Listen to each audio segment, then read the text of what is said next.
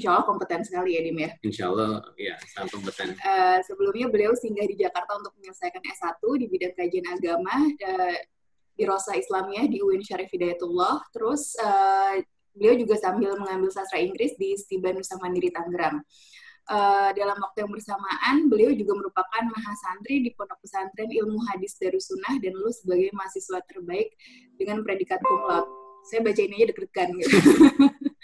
uh, selain menjadi dosen tetap di UIN Sultan Maulana Hasanuddin Banten, beliau juga merupakan wakil pengasuh sekaligus mengajar di Mahat Ali Ilmu Hadis Darussunnah Jakarta. Jadi sebenarnya rekam jejak dari pendidikan dan mengajar Ustaz Sofir ini insya Allah uh, sangat panjang dan mumpuni. Jadi makanya untuk uh, yang ketiga ini, uh, mazhab ketiga, kelas keempat ini kita minta beliau untuk mengisi karena salah satu tujuan kajian rumahan ini juga ingin menghadirkan dan memperkenalkan kepada publik kita banyak banget punya stok ustadz dan guru-guru yang sangat kompeten di bidangnya. Jadi biar uh, hasanah dan wawasan kita terhadap uh, narasumber dan guru agama yang sanatnya jelas ini uh, semakin banyak dan semakin berkembang. Uh, karena Ustaz Sofin sudah ada, jadi kita langsung kasih ke Ustaz Sofin. Boleh di-unmute, Ustaz? Sudah, sudah di-unmute. Ya. ya. Monggo, Ustaz. Monggo, Ustaz. Eh, kami persilakan tempat dan waktu. Ya, Eh, mohon ditampilkan Pak Dimas, boleh itunya nanti slide-nya. Oke, Assalamualaikum warahmatullahi wabarakatuh. Bismillahirrahmanirrahim. Alhamdulillahi rabbil alamin.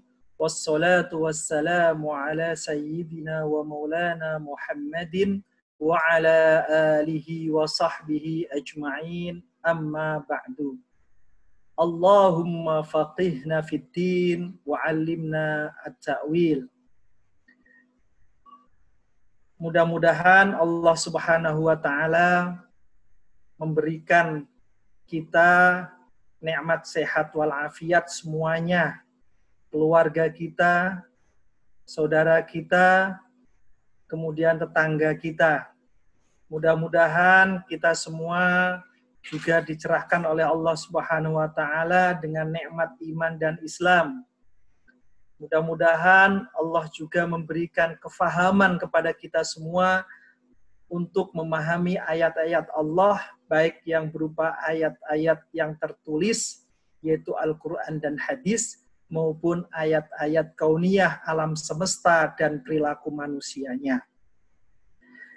Ya, un, terus terang untuk bicara soal madhab syafi'i uh, adalah madhab yang sangat berpengaruh dan kalau sedikit boleh bercerita sependek pengetahuan saya, ini adalah madhab yang kalau dimain kalkulasi hitung-hitungan, adalah madhab yang paling banyak dipeluk. Madhab yang paling banyak menginspirasi dari sisi kuantitasnya. Oleh karena itu, saya dulu pernah belajar di Maroko yang madhab resmi. Resmi di sini bukan berarti resmi karena mayoritas, tapi resmi tercantum di Undang-Undang Maroko bahwa di Maroko itu madhabnya Maliki. Walaupun begitu madhabnya Maliki, ketika saya berbicara kepada ulama-ulama sana, mereka tidak begitu asing dengan madhab syafi'i. Kenapa? Karena ternyata madhab syafi'i juga banyak mereka mengerti, karena banyak menginspirasi katanya. Nah, beda dengan kita. Kita di sini madhabnya syafi'i tapi suruh cerita tentang Maliki kadang masih susah. Gitu. Nah, oleh karena itu saya bisa berkesimpulan bahwa madhab Syafi'i ini sangat apa namanya berpengaruh khususnya soal ide-idenya. Itu yang pertama. Yang kedua, madhab Maliki di samping dia banyak secara kuantitas, dia juga banyak diminati dari berbagai kalangan dari berbagai latar belakang. Karena cukup kompleks. Orang yang ahli logika, filsafat misalnya, itu akan merasa nyaman kalau membaca madhab syafi'i, khususnya bidang usul fikih atau metodologi pengambilan hukum. Orang ahli tasawuf, ya spiritual, juga akan merasa nyaman kalau membaca fikihnya Syafi'i juga. Ahli hadis dan seterusnya. makanya uh, bisa disimpulkan bahwa madhab syafi'i itu banyak menginspirasi. Karena begitu kompleksnya, terus terang saya nggak bisa membahas banyak ini di waktu yang singkat. Makanya paparan saya pertama itu adalah mengenalkan. Jadi saya kenalkan, kenalkan uh, madhab syafi'i ini. Jadi ini sebenarnya perkenalan saja. Nah, kalau mau mengkaji madhab syafi'i, ya memang harus mengkaji secara apa gradual harus mulai dari step by step satu persatu gitu. dan itu memang lama nah, kebetulan alhamdulillah pesantren saya adalah pesantren Syafi'i murni dan belajarnya memang dari awal. Nah, kenapa harus dari awal? Karena kitab-kitab Syafi'i itu berbeda dengan kitab yang lain. Buku-buku Indonesia itu beda, apalagi buku bahasa Inggris. Karena di kitab-kitab Syafi'i itu nggak bisa kita ambil langsung bab tertentu. Apa kita butuh nih? Bab tentang sholat, udah baca sholatnya saja. Saya baca hajinya, nggak bisa. Kenapa demikian? Karena di dalam kitab-kitabnya tersebut itu merujuk pada hal yang luas sekali. Misalnya disebut kama sabako, seperti yang lalu. Sementara yang kita baca baru bab yang kita butuhkan saja. Berarti kan harus belajar yang sebelumnya. Atau ada bahasa kama sayati. Maka akan saya terangkan berikutnya. Maka penjelasan ini tidak akan lengkap kalau kita nggak membaca lanjutannya. Maka harus belajar yang kom komplit. Walaupun demikian, saya berusaha untuk membuat ringkasan untuk memperkenalkan madhab syafi'i. Nah, khususnya metodologinya. Yang pertama sebelum saya bicara banyak tentang Imam Syafi'i, saya akan bicara dulu tentang pendefinisian istilah. Karena istilah ini penting. Orang mengatakan, orang Arab mengatakan, istilah itu setengah ilmu. Kalau nggak paham istilah, maka bisa kita tidak mengerti, tersesat, berdebat, salah, salah paham. Itu istilah. Makanya istilah itu adalah separuh dari ilmu seterusnya. Khususnya fikih, ya maka separuh fikih adalah istilah harus dipahami. Kedokteran, maka istilah kedokteran yang harus dipahami.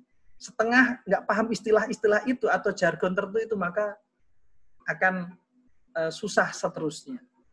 Yang pertama saya ingin membedakan atau mendefinisikan soal syariah.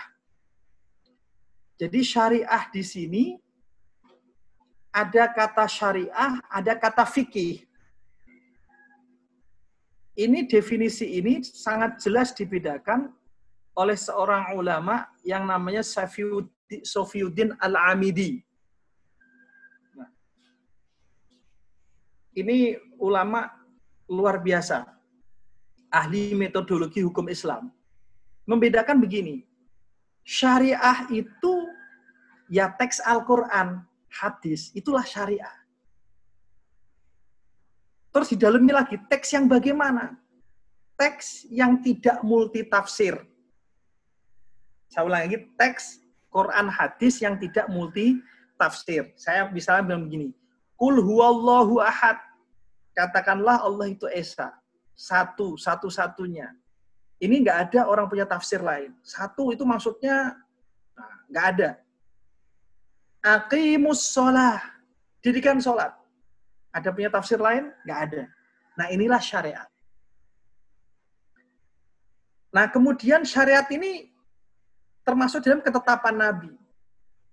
Ijma sahabat. Yang mana ijma ini ya untuk menetapkan isi syariat. Contohnya apa? Kesepakatan sahabat itu. Misalnya, sahabat bersepakat bahwa seseorang yang bernama Musailamah Al-Kadzab yang ngaku-ngaku nabi itu adalah pembohong, berdosa. Itu sepakat. Nah, kesepakatannya ini dasarnya adalah ya hadis Nabi la nabi ya ba'di tidak ada nabi setelahku. Itu syariatnya. Ya. Qurannya khatamun nabiyyin ya pamungkas daripada para nabi, yang terakhir. Tetapi kan nggak ada nas. Bagaimana dengan Musailamah al-Kadzab? Nah, nggak ada nasnya. Nah, maka kemudian ulama bersepakat. Ini orang mengaku-ngaku nabi, nah, nggak ada nasnya, maka kita sepakat.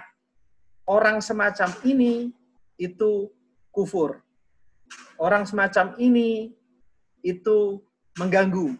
Maka akhirnya di zamannya Abu Bakar, orang ini mengumpulkan masa dan menggerogoti kekuatan Islam. Maka hukumnya akhirnya dibunuh. Itu berdasarkan kesepakatan sahabat. Jadi mengerti ya Pak ya. Nah, ini adalah syariat, teks Quran, hadis. Kemudian fikih. Fikih itu bahasa Arabnya fikih. Fikih itu artinya pemahaman. Al-fikhu artinya al-fahmu. Nah, al-fahmu ini ya namanya pemahaman itu produk manusia. Nah, fikih ini hanya membatasi diri pada hukum-hukum syariat yang tatarannya praktis. Praktek amalia. Diambil dari dalil-dalil, yaitu Quran hadis, yang sifatnya terperinci, detail. Misalnya, syariatnya bilang, akimus sholat. Bagaimana cara bikin sholat? Nah, cari dalil tentang praktek sholat. Nah, itu namanya konfige. Ya, bisa dimengerti ya. Nah, dan hukumnya itu harus amaliyah. Bukan khayalan. Bukan khayalan. Jadi saya jelaskan kesimpulannya begini. Kalau syariat itu umum. Akidah, tauhid, akhlak, macam-macam umum. Sementara kalau fikih hanya untuk perbuatan amaliyah manusia. Itu fikih. Nggak ada kaitan ke akidah. Kaitannya adalah fikih. Makanya di dalam sholat itu ada nggak syarat sah sholat itu ikhlas? Nggak ada. Karena ikhlas itu ke akidah. Pokoknya kalau secara fikih ya sesuai praktek saja. Nah, itulah apa namanya fikih. Kemudian perbuatan manusia ini bukan khayalan. Contoh misalnya saya ditanya, Ustadz, apa hukumnya pacaran? Nggak saya jawab. Kenapa? Karena kata pacaran itu istilah. Sementara fikih itu yang dihukumi adalah perbuatannya. Yang benar apa? Saya tanya dulu. Dalam pacaran ngapain aja? Nah, setelah dia menjelaskan perbuatan A, B, C, D, maka barulah perbuatan itulah yang saya hukum, hukumi. Bukan istilahnya. Tapi sini dimengerti Pak ya. Bukan istilahnya. Saya ditanya lagi, Ustadz, hukum bank syariah apa? Hukum bank konvensional apa? Nggak saya jawab. Yang saya jawab apa? Ya saya tanya dulu. Nah, di dalam bank itu perbuatannya apa saja? Nah, baru dari berdasarkan perbuatan itulah fikih baru bisa menghukumi. Nah, jadi maka di sini fikih itu berkenaan dengan amalia. Ada teman bertanya, Ustadz mau nanya nih, saya kalau misalnya ke bulan, itu kalau sholat menghadap gimana Ustadz? Ya saya jawab, nanti kalau sudah sampai bulan, baru nelpon saya, baru saya jawab. Nah, kenapa saya harus menjawab begitu? Ya karena berkenaan dengan fikih itu terikat pada amaliyah. Bukan seandainya-seandainya, bukan khayalan, tapi amaliyah dasarnya harus empiris. Kira-kira begitu. Makanya kayak khusyuk, ikhlas itu nggak masuk. Karena itu tidak bisa terukur. Ya, itu ya, kalau hubungan pada Allah Subhanahu maka disebut kualitas. Yang kedua, syariat itu keniscayaan, taken for granted. Diterima begitu saja. Sementara fikih itu bukan keniscayaan, karena dia produk pemahaman. Yang ketiga, sifat syariat itu menyeluruh. Berlaku kapan pun, di mana pun. Namanya sholat itu berlaku kapan pun, di mana pun, sampai hari kiamat. Tapi fikih tidak. Contohnya misalnya, syariat sholat. Itu syariat sholat, sampai ila yaumil kiamat sholat. Tapi bagaimana teknis takbirnya? angkat tangannya di atas pundak atau lurus dengan pundak. Nah, begini misalnya, ataukah begini. Nah, itu fikih. Sedekap atau enggak sedekap. Duduknya bagaimana? Nah, itu fikih. Telunjuk tasyahudnya bagaimana? Nuding terus, begini. Nah, bahkan ada lima. Ashadu alla ilaha illallah geter. Atau diem, illallah begini. Nah, itu macam-macam. Itu fikih. Nah, fikih ini itu berdasarkan pemahaman. Nah, kira-kira seperti itu. Lalu selanjutnya berkenaan dengan terminologi lain yaitu terminologi madhab dan imam. Madhab itu dari asal kata zahaba, yadhabu zahaban. Nah, intinya madhab itu adalah masdar mimi, dia artinya pergi, tempat menuju, tempat pergi. Itu secara bahasa. Tetapi kalau dalam kategori pemikiran, dalam kategori pilihan, maka madhab itu berarti ar pendapat, sudut pandang, kepercayaan, ajaran, doktrin, ideologi. Nah, itu namanya mad madhab. Adapun secara istilah, dia mengandung dua pengertian yaitu madhab berarti metodologi yang ditempuh dalam menetapkan hukum pada suatu peristiwa, suatu amal yang nyata, atau dia merupakan fatwa, pendapat. Pendapat seorang mustahid. Maka melihat definisi madhab semacam ini, model bermadhab itu jadi ada dua. Dia model manhaji, artinya yang diikuti itu metodenya saja, ataukah dia model kauli, yaitu kesimpulan fatwanya. Jadi ada manhaji, ada kauli. Maka berarti orang bermadhab itu ada yang manhaji plus kauli, kadang juga manhajinya saja, metodenya saja, tetapi kaulinya mungkin nggak sepakat. Atau dia nggak sepakat manhajinya, tetapi kaulinya sepakat. Nah ini juga namanya bermadhab. Nah makanya sekarang dikembangkan ya untuk kategori Indonesia, manhaj syafi'i ini harus mulai bergerak dari manhaj kauli, dari kauli menuju manhaji. Jadi kita mengikuti Imam Syafi'inya itu manhaji. Kenapa? Karena masalah Indonesia kompleks. Maka yang diikuti manhajinya untuk membahas masalah-masalah yang baru. Nah, nanti kita bahas soal manhaji itu. Yang kedua, soal imam. Imam itu secara bahasa artinya teladan, pemimpin. Dalam sejarah Islam, kata imam itu berarti pemimpin jamaah. Bisa jamaah sholat atau jamaah haji misalnya, yang penting jamaah pemimpin. Bisa juga pemimpin komunitas orang-orang Islam. Misalnya al-a'immatu min Quraisy. Para imam itu harus dari Quraisy misalnya. Artinya pemimpin dari sebuah komunitas masyarakat. Yang ketiga, imam itu adalah tanda atau gelar akan kelebihan keilmuan seseorang. Yang mana orang itu menjadi rujukan, menjadi teladan. Nah, inilah kata imam dinisbatkan kepada orang-orang alim yang menjadi rujukan. Imam madhab fikih misalnya. Itu dirujukan dia. Itu untuk kategori ahlu sunnah wal jamaah 1 sampai 3. Tetapi untuk kategori Syiah ada empat, yaitu wakil Allah yang menjadi pemimpin umat penentu zaman. Nah, jadi imam versi orang Syiah itu adalah imam 12 yang menurutnya adalah wakil Allah dan dihukumi ismah, tak punya dosa, tak punya apa-apa. Nah inilah yang membedakan dengan ahlu sunnah. Kalau ahlu sunnah, imam bisa salah, bisa benar yang selalu benar terus itu para nabi dan malaikat.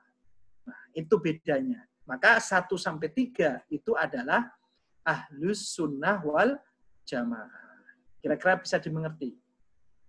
Nah, kemudian beralih istilah kedua.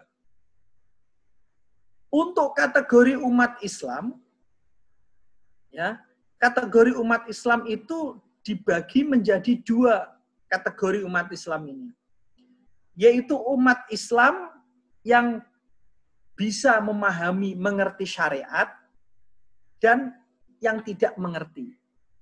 Nah, oleh Imam Syafiuddin Al-Amidi dibagi dua, yaitu orang awam, itu disebut orang nggak mengerti, satu yang orang punya pengetahuan ilmu agama yang disebut ahli istihad. Dua manusia. Nah, kita masuk kategori yang mana? Pokoknya selain pu tidak punya kompetensi istihad, maka dia kategori awam. Nah, kategori awam itu adalah mengikuti fatwa atau petunjuk daripada orang yang pintar istihad. Nah, zaman Nabi orang dibagi dua, yaitu Nabi dan selain Nabi. Ya, Nabi itu imamnya, selain Nabi itu yang harus di yang mengikuti. Nah, setelah Nabi wafat, ada dua manusia, yaitu ahli istihad yang mengerti syariat, mengerti ini, dan yang orang awam. Nah, orang awam itu ikut. Nanti ada bahasa taklid, itiba, mengikut. Nah, itu hanya bahasa saja, gitu. bahasa teknis. Tapi intinya manusia ada dua, yaitu awam dan ahli istihad. Nah, oleh karena itu, maka ahli istihad dia memberi petunjuk, orang awam mengikuti. Jangan sampai orang awam sok-sokan istihad, maka sesat menyesatkan. Orang istihad nggak berani menyampaikan kebenaran karena takut ini itu, takut dibully ini itu, maka terjadilah fitnah di mana mana. Nah, kemudian selanjutnya apa itu istihad dan mustahid? Istihad itu dari kata ijtahada yajtahidu. Dari akar kata jahada, artinya yang bersungguh-sungguh mengerahkan daya upaya dan kemampuan baik fisik, pemikiran, keilmuan, harta dan seterusnya. Itu namanya istihad. Tetapi istihad dalam bab fikih, dalam bab syariat itu berkenaan dengan usaha untuk mengambil usaha untuk apa ya menyimpulkan daripada Quran dan Sunnah untuk menelurkan suatu hukum akan sebuah peristiwa atau sebuah kejadian yang nyata. Orangnya namanya mujtahid. Lalu pertanyaan, apakah istiad ini setelah Nabi wafat? Tidak. Di zaman Nabi juga sudah terjadi istihad. Tetapi karena nabinya masih hidup, Nabi memberi stempel, jadilah syari syariat. Contoh misalnya, kalau kita baca hadis berkenaan dengan adzan. Adzan itu kan dimulai ceritanya itu dimulai tentang dialog. Agama lain itu kalau manggil orang ibadah pakai trompet. Agama lain pakai kelenteng. Dan seterusnya. Terus kita apa? Lalu ada sahabat usul, Rasul, kita pakai pakai mulut manusia saja, pakai suara. Nah, Rasul bilang, oh iya oke. Okay. Nah, ketika Rasul okay, itu penetapan. Tapi awalnya adalah isti istihad. Lalu kira-kira kata-katanya gimana? Nah, kemudian sahabat datang, wah aku pernah bermimpi Rasul. Nah, istihad juga ini. Gimana kalau lafalnya ini, ini, ini, ini? Oh iya, ini lafalnya. Nah, jadilah adan seperti yang kita kenal sekarang. Contoh lain lagi, uh, orang di sebuah kondisi nggak dapat air. Gimana ini? Nah, ada dua orang itu. Nah, dua orang ini akhirnya bertayamum, kemudian sholat.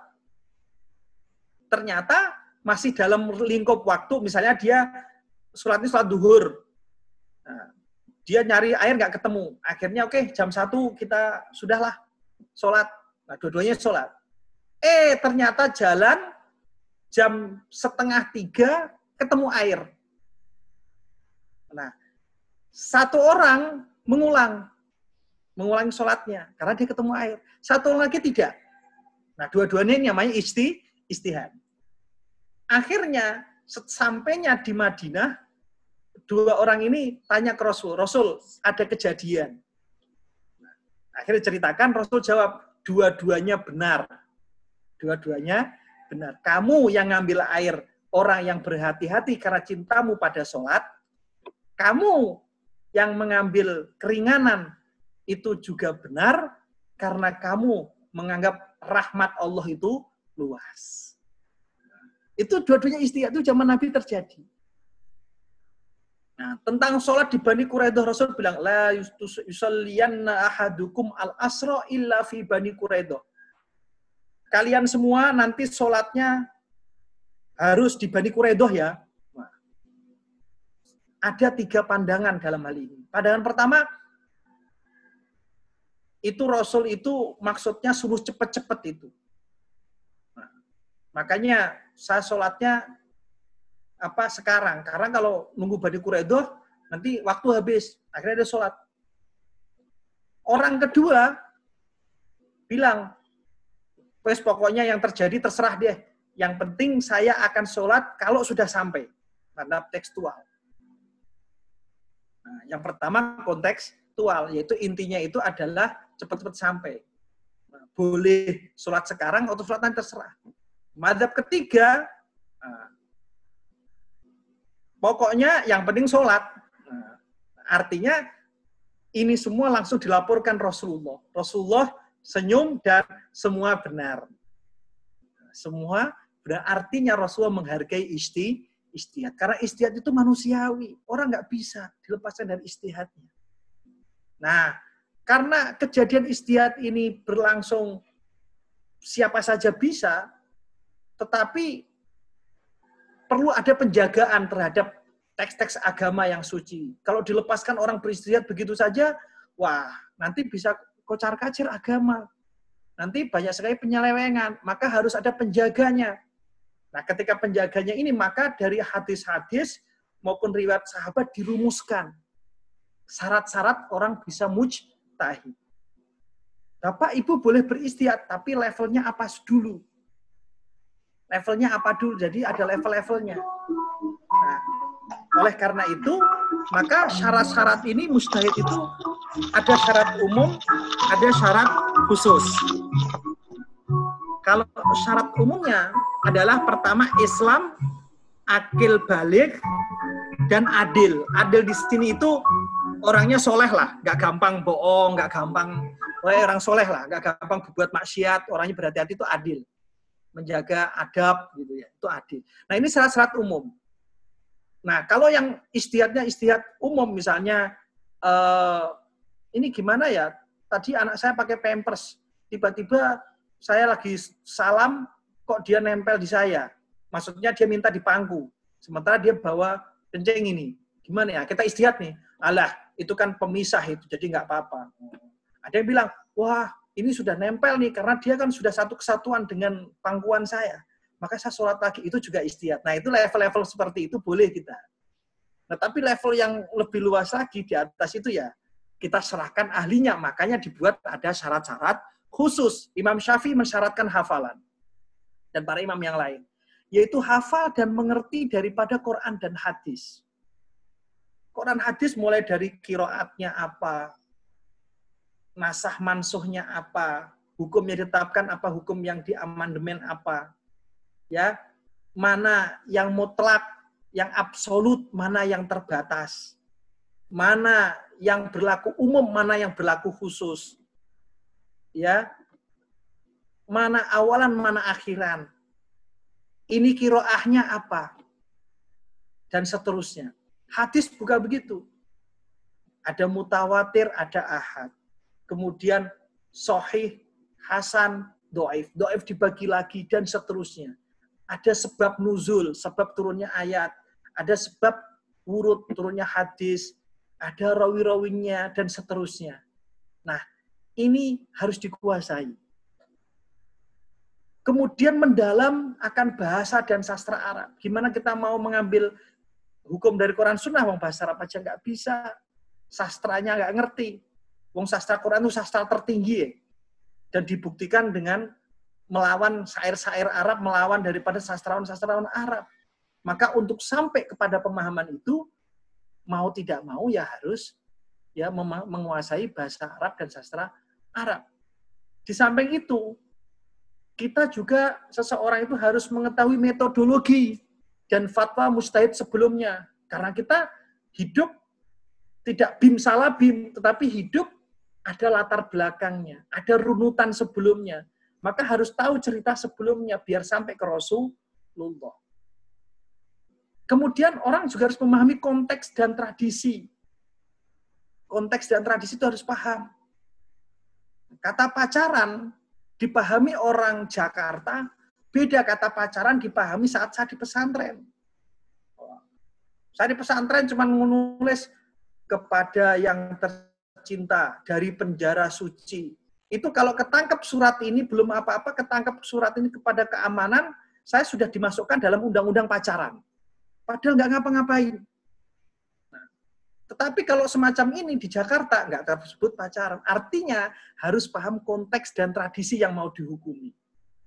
Makanya di sini ulama butuh orang-orang sosial sesuai dengan hal yang ingin dihukumi karena syarat fikih itu harus empiris terukur itunya. Nah, makanya ada namanya istihad finnas, ada istihad fil Orang harus cerdas, pinter dalam memahami nas, juga harus pintar dan memahami kondisi realitas yang empiris yang mau dihukumi dan lain-lain. Ini syarat-syarat mustahil. Ketika ada syarat-syarat mustahil, otomatis manusia yang ahli istiadat itu berbeda. Punya kategorisasi berdasarkan kemampuan yang Allah berikan kepada mereka. Maka mustahid itu ada klaster-klasternya. Klaster tertinggi disebut mustahid mutlak. Mustakil. Dia mutlak karena dia membangun teorinya sendiri, metodenya sendiri, dia langsung melihat sendiri, kemudian menghukumi sendiri, paket komplit, mustakil. Kemampuannya lengkap. Nah, itu ya seperti imam madhab yang empat tadi, ya Syafi'i, Hambali, Hanafi, kemudian madhab Al-Lais, Al-Auza'i, Sufyan Al-Sauri, Abu Saud, dan lain teman madhabnya hangus, tapi apa namanya orang-orangnya yang tadi saya sebut itu sangat kompeten sekali. Klaster di bawahnya namanya mustahid mutlak muntasib dia punya kategori ilmu. Tetapi soal metodologi, mau nggak mau, dia masih ikut sama yang tadi, yang pertama tadi. Nah, itu muntasib. Nah, ini hebatnya keilmuan Islam. Itu apa? Amanah ilmiah. Referensi. Kalau orang kita kan boro-boro ngasih footnote, kadang juga ngaku-ngakuin gitu kan, plagiat begitu. Ulama terdahulu belum nggak mengenal footnote, tetapi dia punya amanah ilmiah yang kuat. Makanya walaupun metodenya itu dia nggak ngaku. Itu metode milik dia sendiri nggak. Dia dia meyakini metodenya sebelumnya ada. Makanya dia muntasibkan menisbatkan kepada si A. Nah ini soal metode. Dan untuk kajian keilmuan fikih amanah ilmiah itu nomor satu. Jadi walaupun punya kemampuan ya tetapi amanah ilmiah nomor satu. Makanya dia punya kemampuan tapi soal metodologi ternyata masih menginduk pada yang mutlak tadi, maka dia sebut muntasib. Itu seperti siapa? Nah, seperti di situ Abu Yusuf Zafar ibnul Huzail dari madhab Hanafi, Abu Qasim Asyab dari Maliki, Abu Yaqub Al-Buiti dari madhab Syafi'i, dan seterusnya. Itu mereka punya kemampuan, tapi secara metodologi masih menginduk. Secara manhaj masih menginduk. Nah, maka disebut mutlak muntasib. Nah, yang ketiga, mustahid fil madhab. Nah, ini yang banyak. Ini yang banyak. Yang satu dua itu jarang sekali. Nah, Muslim fil madhab ini dia punya kemampuan seperti mustahid mutlak, tetapi dia nggak bisa independen. Kenapa? Karena ilmunya, metodologinya masih mengikuti madhab imam tertentu. Nah, ini yang banyak ini. Oleh karena itu dia masih mengadopsi metode berpikirnya, cara penerapannya itu masih terpengaruh pada madhab sebelumnya, ya, kemudian dia ini apa namanya punya peran mengkontekstualisasikan saja. Nah, untuk kategori yang ketiga itu ada tiga, paling tidak ada. Yang pertama mustahid muqayyid, yaitu seorang mustahid tapi terbatas. Dia punya kemampuan, kompetensi untuk menetapkan hukum, tetapi dia menjadikan nas-nas imam madhab sebagai rujukannya. Nah, ini seperti Imam Nawawi, Imam Suyuti, Imam Syirazi dalam madhab Syafi'i. Itu walaupun sehebat apa pun dia tetap menggunakan teks-teks Imam Madhab itu sebagai rujukan utamanya. Nah, kemudian baru Quran, hadis, dan seterusnya. Yang kedua, mustahid fitarjih. Dia mengikuti Imam Madhab dalam masalah usul, masalah yang pokok, maupun masalah yang varian-varian begitu. Dia ngikutin. Tapi dia tidak menetapkan hukum baru. Lalu apa yang dilakukan? Dia kumpulkan semua permasalahan, dia kumpulkan semua perdebatan, nanti dari perdebatan itu dia menguatkan salah satunya. Nah, itu namanya mustahid fit tarjih.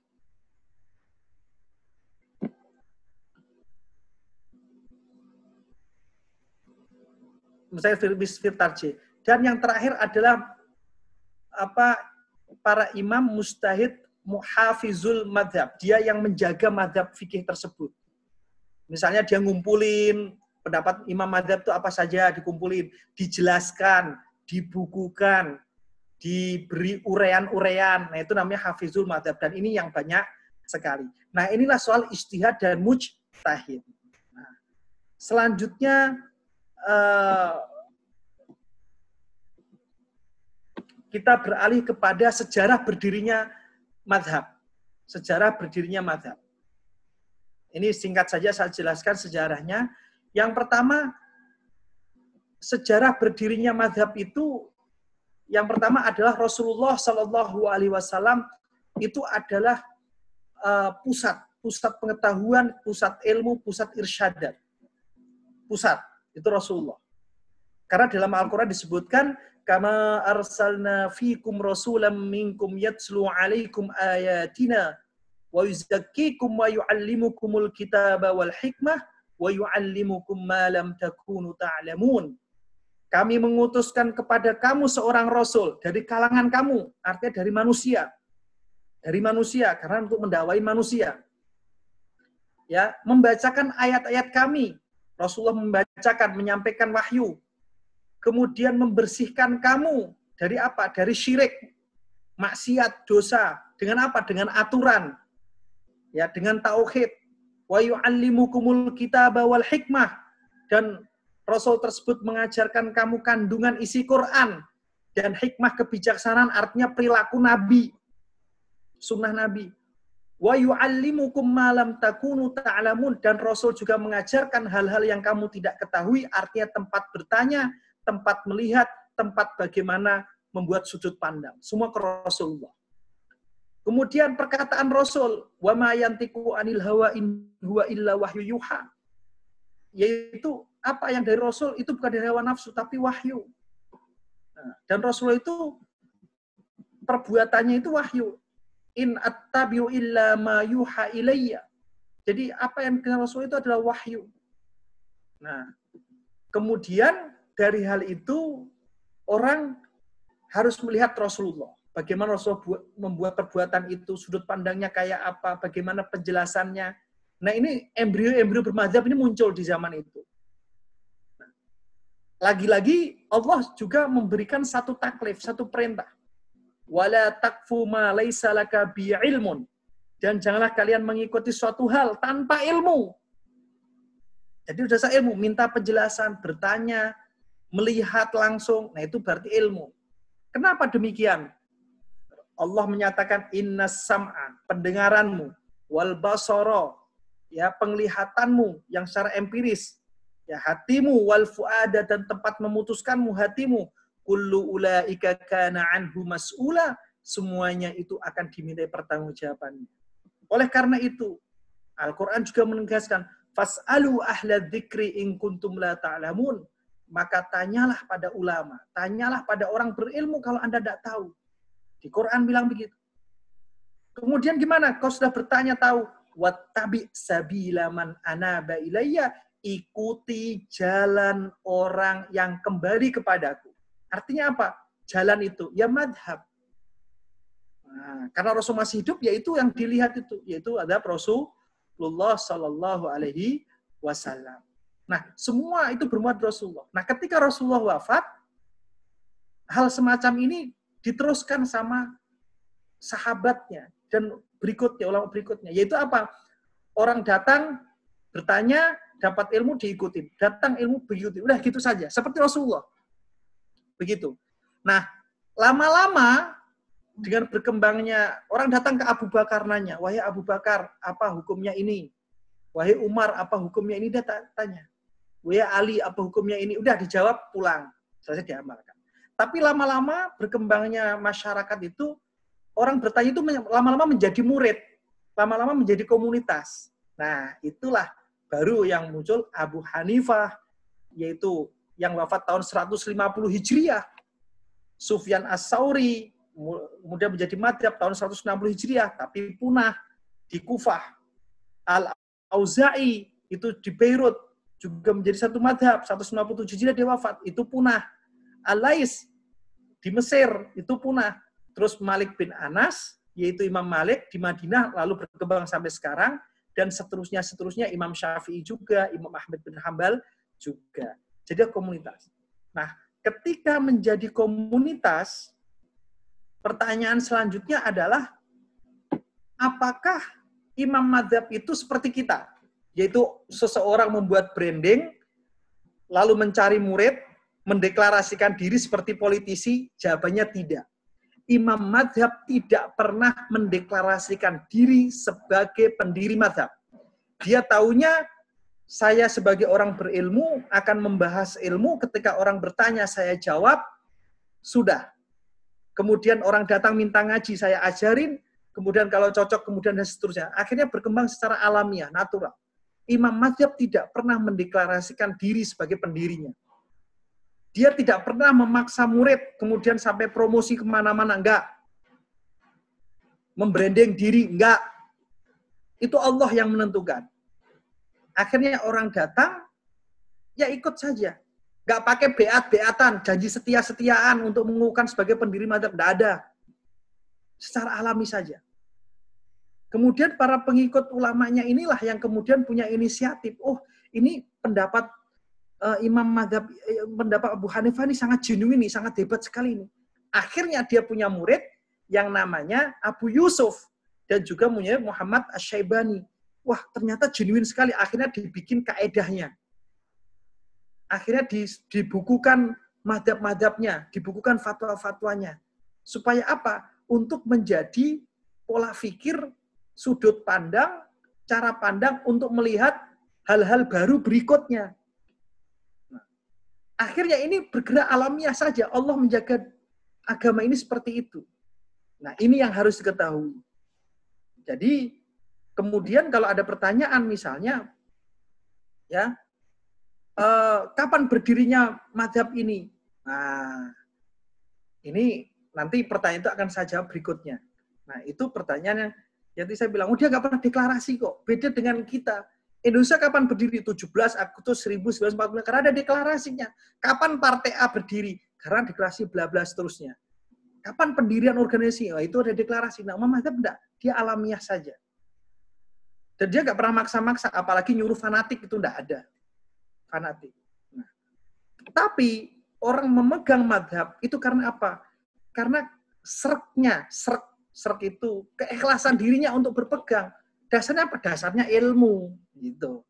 Bukan dasarnya suka. Gimana suka? Saya nggak kenal Imam Syafi'i, saya nggak pernah ketemu, saya nggak pernah ini. Tapi kenapa saya berpegang madhab Imam Syafi'i? Karena saya baca. Dasarnya ilmu. Nah, itu inti dari madhab. Makanya keliru sekali orang bermadhab disebut fanatik buta keliru. Gimana fanatik buta? Nggak kenal kok. Nggak ada kaitannya dan nggak ada untung ruginya di sini. Gimana mau fanatik? Jadi yang ada adalah ini murni adalah soal keilmuan.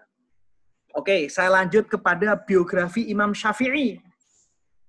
Imam Syafi'i itu nama lengkapnya Muhammad ibn Idris ibn Abbas ibn Utsman ibn Syafi' ibn Shu'aib ibn Ubaid ibn Abu Yazid ibn Hashim ibn Muttalib ibn Abdul Manaf. Ibnu Abdul Manaf ini adalah kakeknya Rasulullah. Jadi ketemunya di jalur kakek.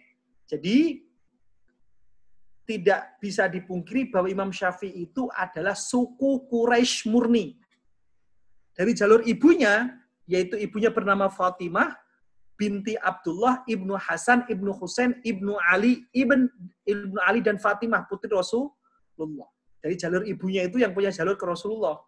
Nah, Muhammad Rasulullah punya bapak Abdullah, punya kakek Abdul Muttalib, Ibn Hashim, Ibn Abdul Manaf. Jadi ketemu. Jadi Rasul Syafi'i ini adalah murni.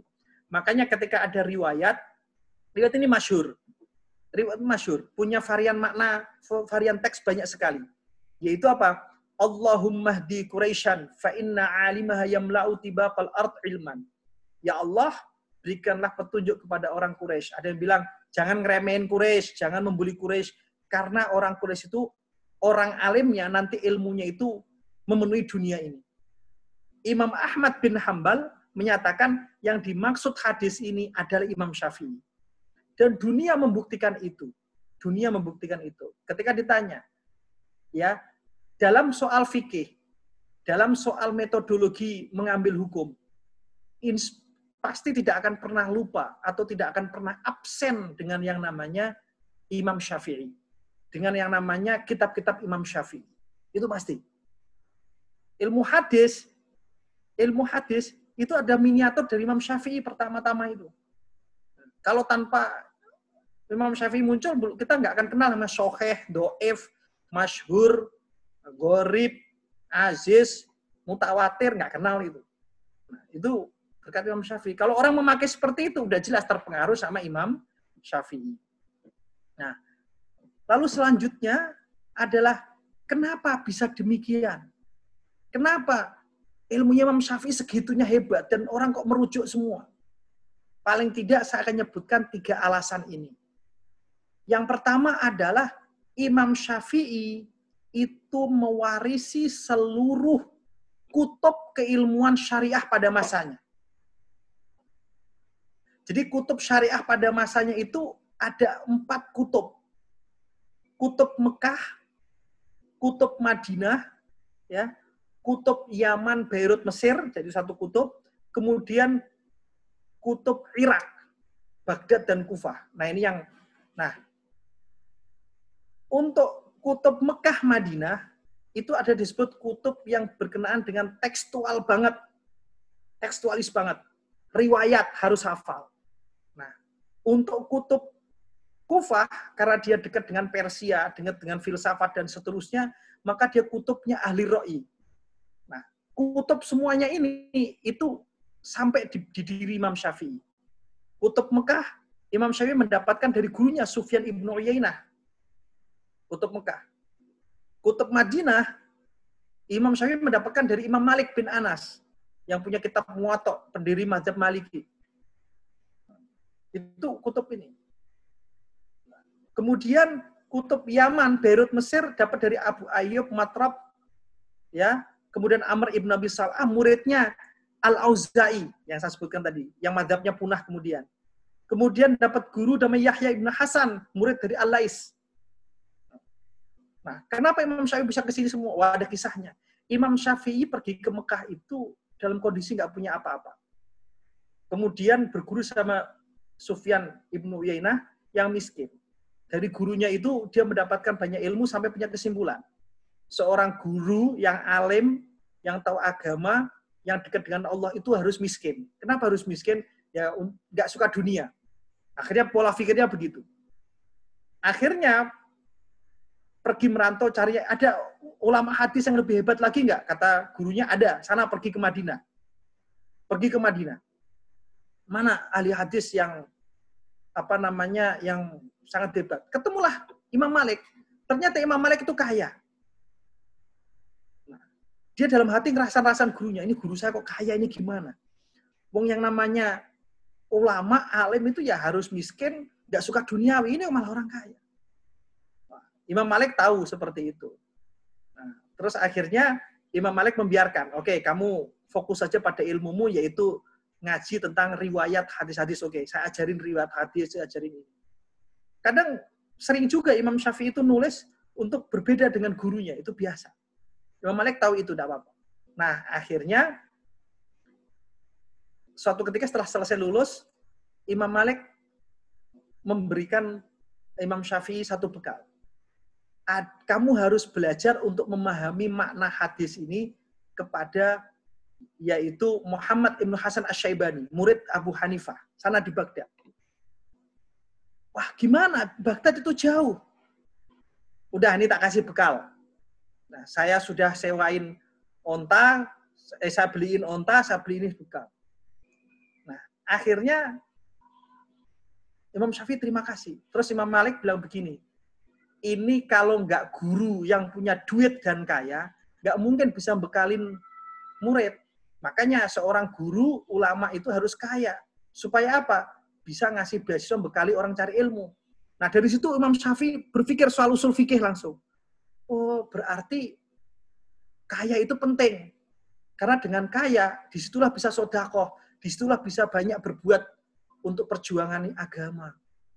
Padahal pertama dia punya madhab apa? Guru itu harus miskin, harus benci dunia.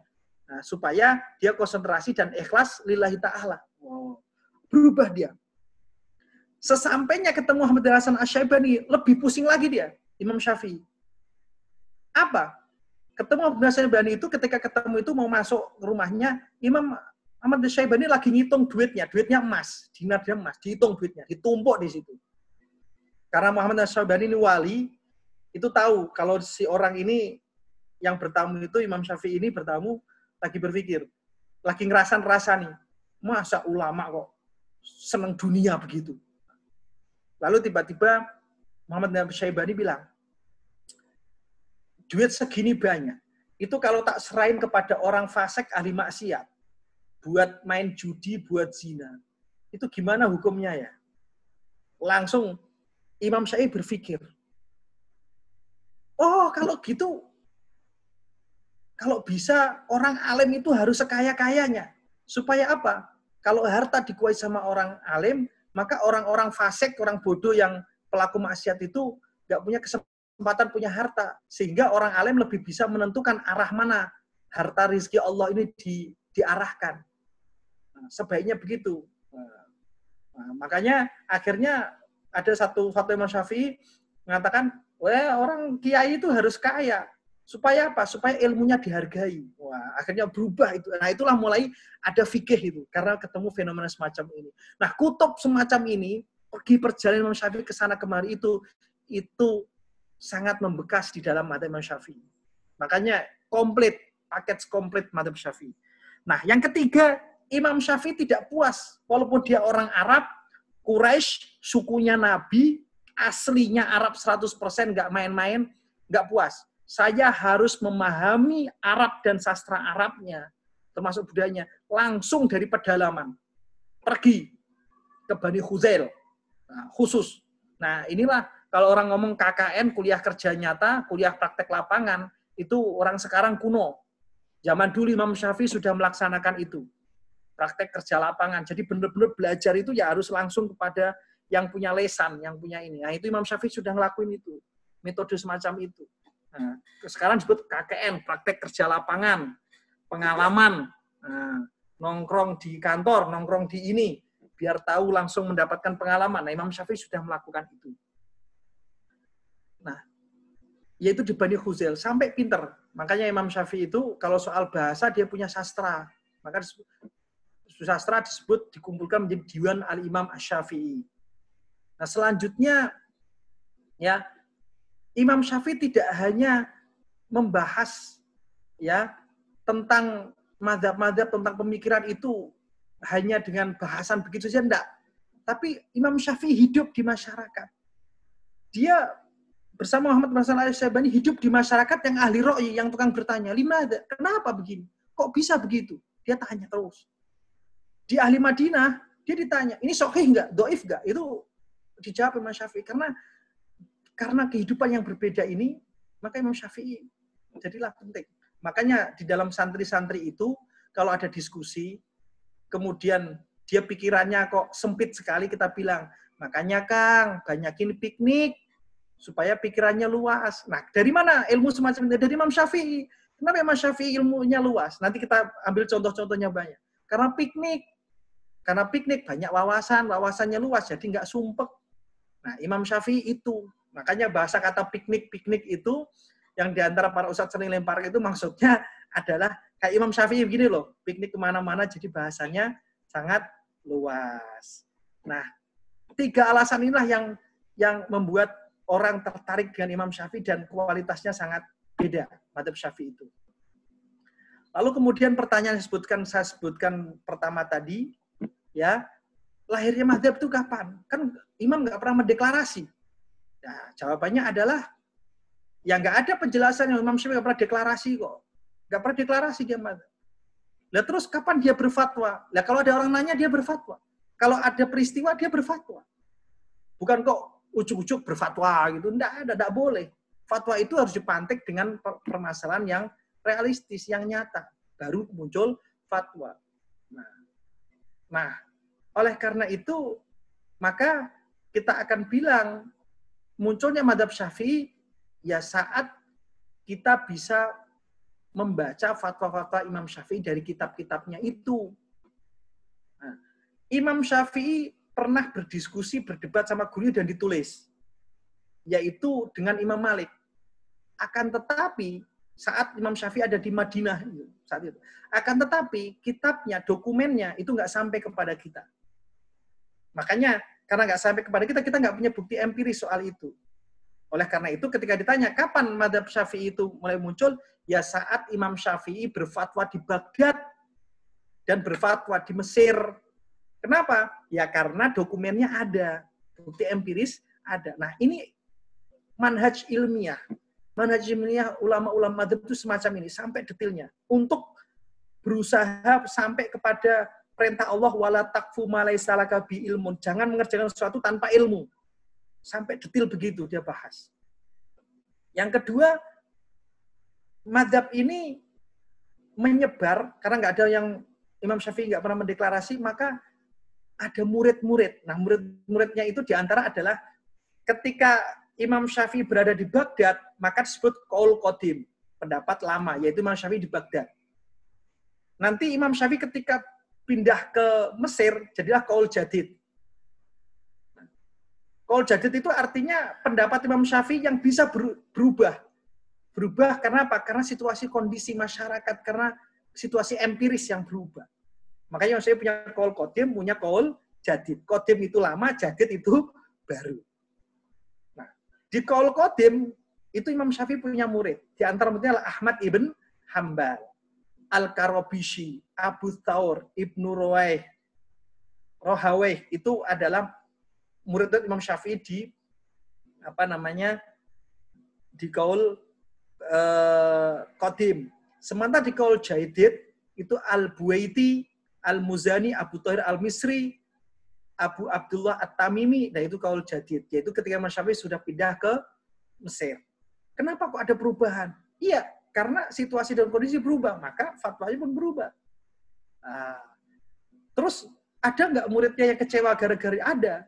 Uh, Al-Kisah ada namanya Abu Dawud Ad-Dohiri, itu dulu muridnya Syafi'i dan berinduk kepada madhab Syafi'i. Lalu dia bilang, enggak ah, aku mau diri madhab sendiri. Kenapa?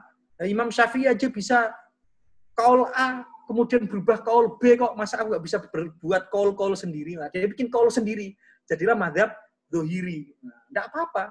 Nah, tapi orang yang semacam ini diduluin dengan mengaji dan punya kapasitas. Lalu kemudian dari generasi murid-murid yang saya sebutkan tadi, ternyata menyebar, diminatin. Maka kita mengenal dalam madhab syafi'i Imam Al-Bukhari, ahli hadis, punya kitab Sahih Al-Bukhari, itu pun menginduk kepada madhab syafi'i. Madhab syafi'i, padahal dia punya hadis. Kenapa nggak langsung merujuk ke hadisnya?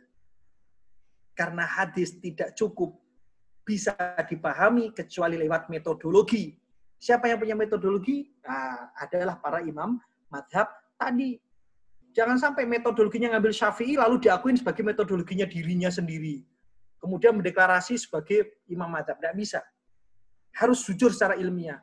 Nah, Imam Syafi'i, Imam Bukhari nggak punya metodologi itu, makanya dia tetap menginduk sebagai uh, pengikut daripada madhab Syafi'i. Muhammad Ibnu Jarir At-Tobari juga sama.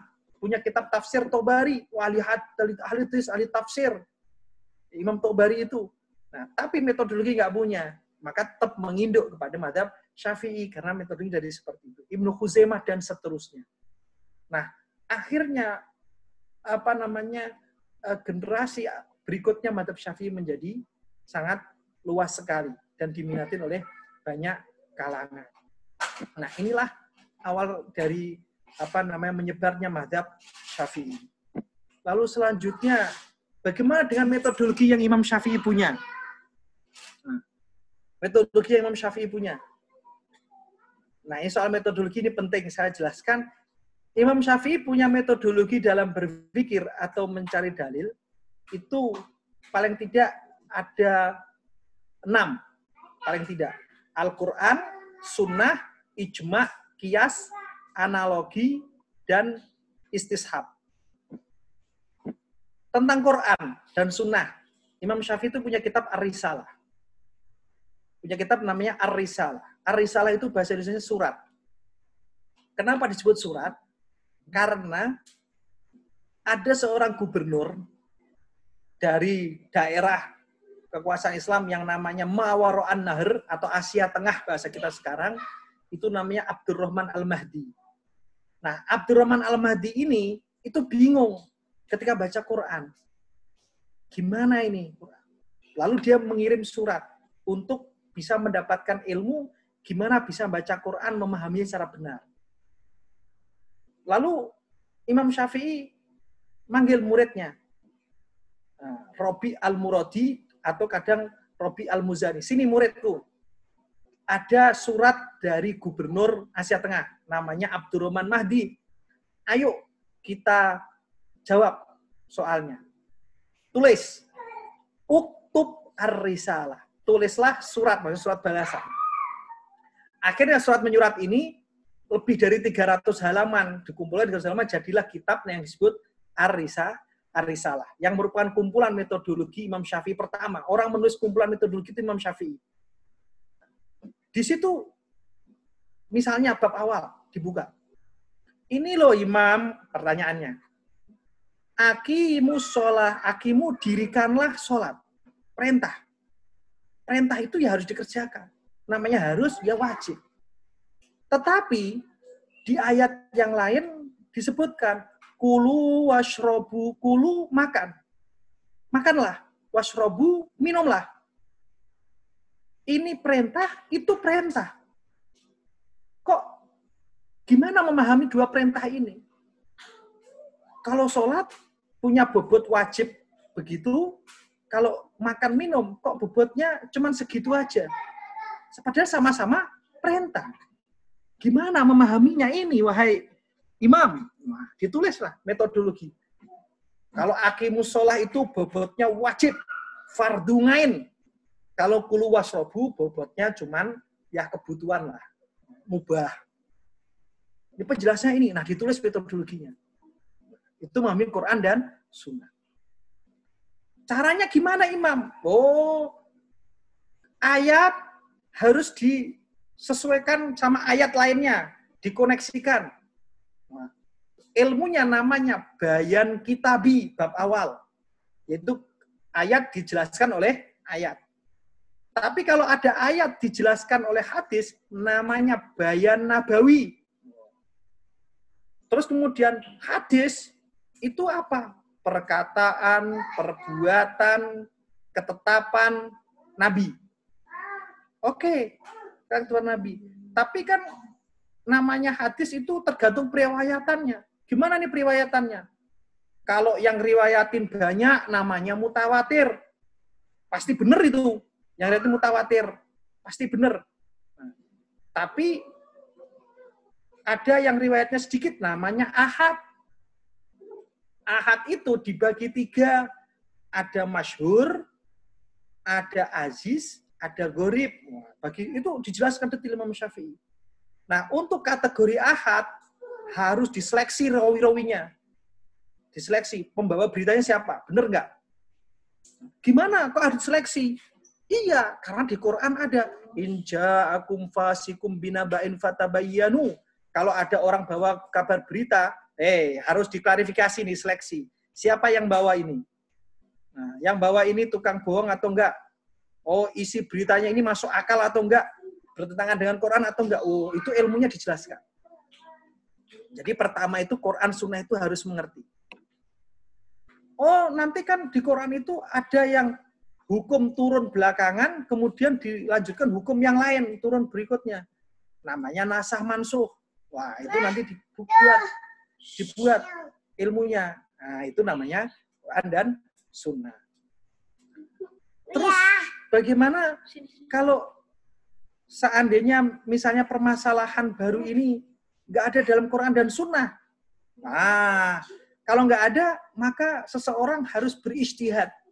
Harus mengeluarkan daya upayanya untuk mengambil ilmu dari Quran Sunnah untuk menjawab permasalahan yang sedang terjadi.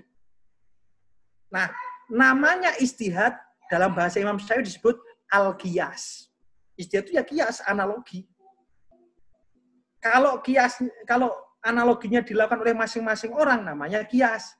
Kalau ternyata kesimpulannya itu sama, oh si A melakukan kias nih, istihad. Kesimpulannya A, tiba-tiba tanpa dikondisikan, tanpa di skenario, ternyata ulama yang lain juga punya kesimpulan A sama. Ulama yang lain juga sama. Ulama lain sama. Di zaman berikutnya juga sama. Tanpa dikondisikan atau direkayasa. Oh, berarti terjadilah ijma atau konsensus. Bukan dikondisikan, tapi secara alamiah. Paham Pak ya? Nah, itu namanya ijma. Jadi Quran, hadis, ijma. Contoh ijma apa? Sahabat. Yaitu ula, semua sepakat bahwa setelah meninggalnya Rasul, umat Islam harus punya pemimpin. Harus punya pemimpin. Itu ijma, sepakat. Ijma sepakat. Nah, contoh lagi, yang merupakan ijma lagi, zaman Nabi, sholat terawih itu sendiri-sendiri. Nah, kemudian setelah Nabi wafat, terjadi ijma, kesepakatan. Sholat terawih itu sebaiknya berkumpul bersama-sama, jamaah. Nah, itu baru ada di jamaah. Itu ijma. Karena sholat terawih sunnah, maka berjamaahnya ya sun, sunnah. Dan seterusnya. Dan seterusnya, contohnya. Yang keempat, kias. Analogi itu kias. Nah, kias itu harus orang pinter. Di Quran itu disebut fa'tabiru ya ulil absor. Maka ambillah contoh engkau, wahai orang-orang yang mempunyai pengertian, punya pikiran. Contoh dari mana? Contoh dari Quran. Jadi di dalam madhab syafi'i itu diakui Quran itu menerangkan banyak hal. Tibyanan likuli syai. Tibyanan tapi yang diterangkan itu adalah hal-hal yang sifatnya uh, baku, Misalnya apa? Misalnya, misalnya, misalnya hal yang baku. Yang namanya mencuri itu kan di Quran ada. Mencuri di Quran. Mencuri itu tidak boleh. Asariku wasarikotu fakta aidiyahuma. Nyolong itu ya nggak boleh. Itu Quran. Nah, soal bagaimana mencuri, nah itu zaman bisa berubah. Itu fikihnya bisa berubah. Kalau dulu mencurinya pakai golok, kalau sekarang pakai tanda tangan dan seterusnya. Nah, tetapi makna pencuri itu kan bisa dilogikakan atau dikiaskan, dianalogikan dengan sebelumnya. Karena memang substansinya sama. Nah, kias itu mengambil substansi kesamaan substansi.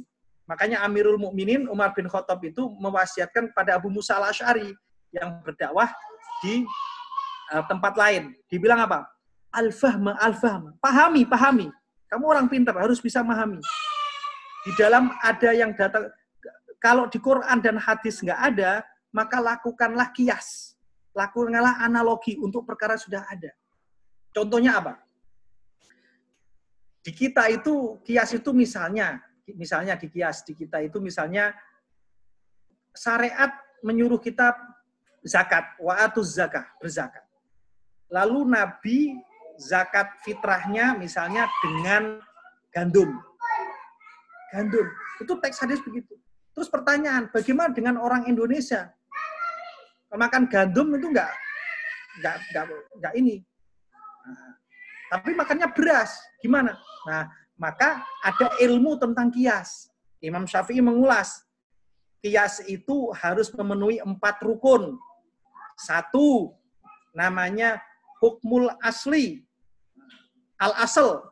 Al-asal apa? Zakat Zakat fitrah, teks hadisnya apa? Zakat fitrah, Rasul pakai gandum. Hukumnya apa zakat fitrah? Wajib. Ada asal, ada hukum asal. Nah, lalu ada hal yang baru yang disebut farak. Permasalahan. Apa? Beras. Beras itu baru. Nah, yang keempat harus ada elat. Elat itu adalah nilai substansi yang menggabungkan antara hal lama dengan hal yang baru. Apa hal lama itu? Gandum itu sama-sama barang makanan pokok untuk buat roti. Oh, beras juga sama, barang makanan pokok untuk orang Indonesia. Gandum itu hal yang penting dan menguatkan kutul balat bagi suatu daerah. Oh sama, beras juga begitu. Oh berarti zakat pakai beras itu hukumnya wajib karena ngikutin hukum asli. Nah ilmunya semacam ini namanya ilmu kias, yaitu apa al asli sesuatu yang teks nas, kedua al faru masalah baru, hukum asalnya sudah jelas, yang keempat ada il ilat. Nah, ilmu nah ilmunya panjang, Pak. Ilmunya semacam ini nanti ilmu usul Imam Syafi'i menganalogi seperti ini. Jadi nggak sembarang. Yang kedua, al-qaulus sahabi. Yaitu bagaimana dengan fatwa sahabat. Gimana? Versi Imam Syafi'i, kita pakai fatwa sahabat. Fatwa sahabat, kaul sahabi yang berkenaan dengan istihad. Saya ulangi, berkenaan dengan istihad. Kalau soal akidah, soal goib nggak nggak kepake. Kalau soal goib pakainya ya Rasulullah sama Quran. Soal akidah ya itu. Kalau kalau sahabi hanya dipakai untuk hal-hal yang sifatnya istihad. Hal yang baru. Misalnya apa hal yang baru? Sayyidina Ali untuk orang yang minum khomer dicambuk 80 kali. Nah itu soal istihad itu. Di zaman Nabi enggak. Di zaman Umar 40, di zaman Sayyidina Ali 80 dan istihad. Kemudian ditanya, kenapa mesti 80? Iya, 40 untuk homernya, 40 lagi untuk ngomong ngaco-nya. Kadang kalau orang minum itu ngaco omongannya. Ketika ngaco, dia nuduh orang ini, itu, ini, itu, sehingga nah ngaco-nya ini 40. Jadi 40 sama 40 jadi 80. Ini masalah istihad, bukan goib, bukan masalah akidah. Nah, kalau sohabi versi Imam Syafi'i diterima. Asal berkenaan dengan istihad saja. Ilam yakun fil kitab wa sunnah sirna ila aqawili ashabi Rasulullah SAW awahidin minhum. Kalau di kitab, di Quran dan sunnah tidak ada, maka kami beralih kepada pendapat para sahabat, baik keseluruhan ataupun satuannya. Tapi untuk masalah ijtihad, bukan masalah goib atau masalah akidah. Yang keempat, al-istishab. Istishab itu artinya ya menetapkan hukum atas masalah hukum yang kedua berdasarkan hukum yang pertama karena tidak ditemukan dalil yang mengubahnya. Contoh, ada orang nanya, Ustaz, hukum sholat enam waktu gimana Ustaz? Sholat enam waktu. Gak ada Quran, gak ada hadisnya. Gak ada Quran, gak ada hadisnya. Hukumnya gimana? Cari di Quran, ada nggak sholat waktu? Gak ada. Nah, pakai pakai istishab ini. Apa istishab? Loh, dari dulu sampai sekarang sholat cuma lima. Sampai sekarang nggak ada perubahan. Maka hukumnya ya tetap lima. Maka berdasarkan metodologi istishab ini, yang bilang sholat enam waktu, itu salah, keliru. Nah, model berpikir ini namanya istis, istishab. Contoh lagi, misalnya, contoh. Uh, misalnya, uh, Pak Dimas, nah, nama Pak Dimas misalnya. Contoh lagi, Pak Dimas, eh, Pak Dimas punya utang dengan saya. Nah, punya utang dengan Nah, pada dasarnya manusia itu nggak berhutang. Maka karena pada dasarnya nggak berhutang, maka omongan saya ini nggak patut dipercaya, salah, keliru. Karena aslinya memang manusia itu nggak punya utang. Nah itu model berpikir ini namanya istishab. Kecuali terus selanjutnya, oh iya ini ada akadnya lihat nih oh, hitam di atas putihnya jelas nah baru ketika ada perubahan maka hukum perubahan yang pakai kira-kira begitu itu namanya hukum istishab ini metode istishab ini saya jelaskan sederhana saja kalau panjang bisa ngaji lagi tentang khusus bab istishab. Ini panjang. Nah ini contoh, ini metodologi yang punya Imam Syafi'i. Nah, jadi misalnya lagi ada orang, oh kamu istri saya. Ke, maka hukumnya gimana? Hakim menetapkan ini sang aku dia istri saya.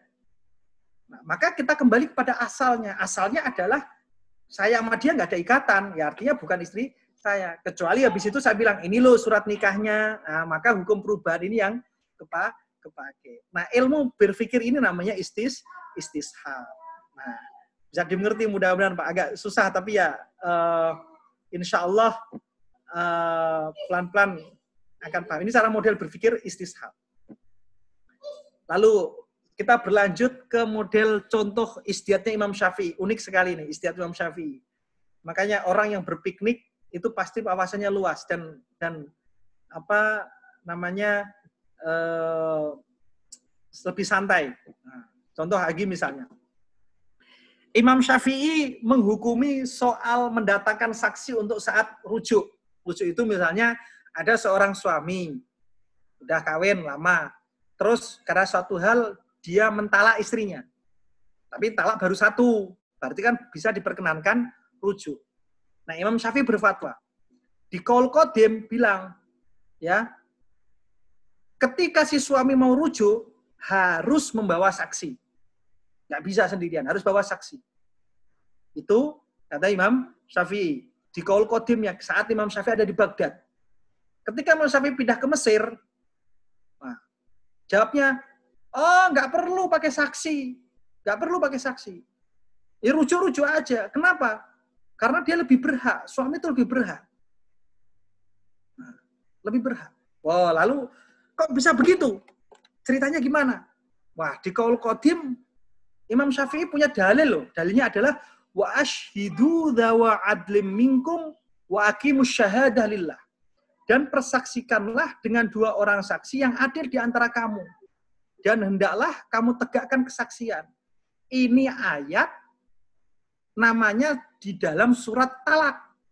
Berarti persaksian itu juga masuk kategori bab talak, yaitu rujuk tadi.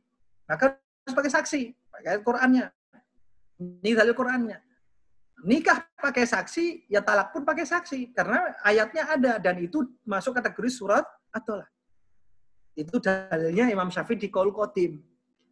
Nah, tapi di kaul jadid Imam Syafi'i punya fatwa lagi. Enggak, enggak perlu pakai saksi. Karena di Quran ada wa bu'ulatuhunna ahaqqu biraddihinna fi in aradu islaha. Dan suami-suaminya berhak merujuknya dalam masa menanti jika mereka menghendaki islah. Quran Nah, berarti ini istri kan baru ketalak satu. Ya udah itu haknya suami. Lagian masih masa menunggu kok. Jadi nggak perlu pakai saksian. Oh, kan begitu. Nah, ini sama-sama tahu ayat. Nggak, kalau orang sekarang bilang, oh karena Imam Syafi'i nggak hafal Al-Quran. Eh, keliru, keliru, keliru. Imam Syafi'i umur kurang dari tujuh tahun sudah hafal Quran bolak-balik. Nggak, mungkin nggak tahu ayat ini. Tapi kenapa berbeda? Nah, itulah istihadnya, luar biasa. Wah. Luar biasa. Nah, kemudian Anda bilang, Ya mungkin di kaul itu Imam Syafi'i memerlukan saksi karena saat dia cerai dan talak itu pakai ngumumin, pakai woro-woro gitu, masuk entertainment. Nah, sementara untuk kondisi tradisi di orang Mesir, kalau orang mentala itu ya diem-diem saja, toh lagi sekali kok. Jadi cukup nggak usah pakai saksi. Karena dia kalau orang marah misalnya, orang Baghdad itu kalau lagi marah itu terus ngomong talak dan orang lain pada melihat semuanya. Nah, maka untuk kasus ini uh, perlu pakai saksi. Nah, akhirnya untuk madhab orang-orang syafi'iyah, nah, ada yang memilih, uh, memilih yang jadid tadi, yaitu nggak perlu pakai saksi deh. Sampai sekarang itu orang syafi'i tanya begitu, nggak perlu pakai saksi. Tapi ada juga enggak, kita kompromikan saja. Kalau dia nalaknya di depan umum, di depan entertainment misalnya, maka ketika ngerujuk harus pakai saksi. Tapi kalau kalau kalau diem-dieman ya nggak usah pakai saksi. Nah, jadi dikompromikan. Nah itu enaknya punya imam yang dua madhab, punya dua kaul begini nih. Jadi kita santai. Gitu. Makanya orang bilang, makanya Kang piknik biar pikirannya lebar. Nah, jadi ketika di Baghdad bagaimana, ketika di Mesir bagaimana. Nah, nanti kalau membahas ini, kuatan mana Ustadz? Wah, ini ngaji ilmu sendiri. Ini bab saya menjelaskan metodologi saja. Menjelaskan contoh saja. Nah, contoh lain lagi. Hukum sholat tanpa air dan debu. Nah, hukum sholat tanpa air dan debu. Imam Syafi'i menyebutkan, ini bahasa Arab saya artikan saja, orang yang nggak ketemu air dan debu, ya misalnya apa? orang di kutub utara atau saat saya dulu kuliah di kota Fes itu saya pernah mendapati satu tempat itu saya nggak ketemu debu pak karena ke, ketutupan es ketutupan es saya mau cari air nggak bisa tangan saya melepuh kalau megang ini harus pakai sapu tangan nah itu orang yang nggak bisa ketemu air atau ketemu debu gimana suratnya? Sementara surat ini masuk waktunya sudah masuk. Maka madhab kaul jadidnya Imam Syafi'i saat Imam Syafi'i di Mesir dia bilang ya sudah ya apa namanya sholat saja sebisanya. Sholat saja sebisanya. Nah, nanti kalau ketemu air atau ketemu debu baru diulangi. Itu madhab jadid kalau madhab kodimnya Imam Syafi'i enggak enggak usah sholat enggak usah sholat terus gimana ya tunggu sampai ketemu air ketemu debu. Nah, kalau ketemu baru sholat. Kalau nggak ketemu, ya enggak. Nah, paham ya Pak ya bedanya ya? Nah, kenapa bisa beda begini? Apakah nggak punya dasar? Oh, ada dasarnya. Kalau kalau kodim kan nggak usah sholat sampai dia ketemu air dan atau debu.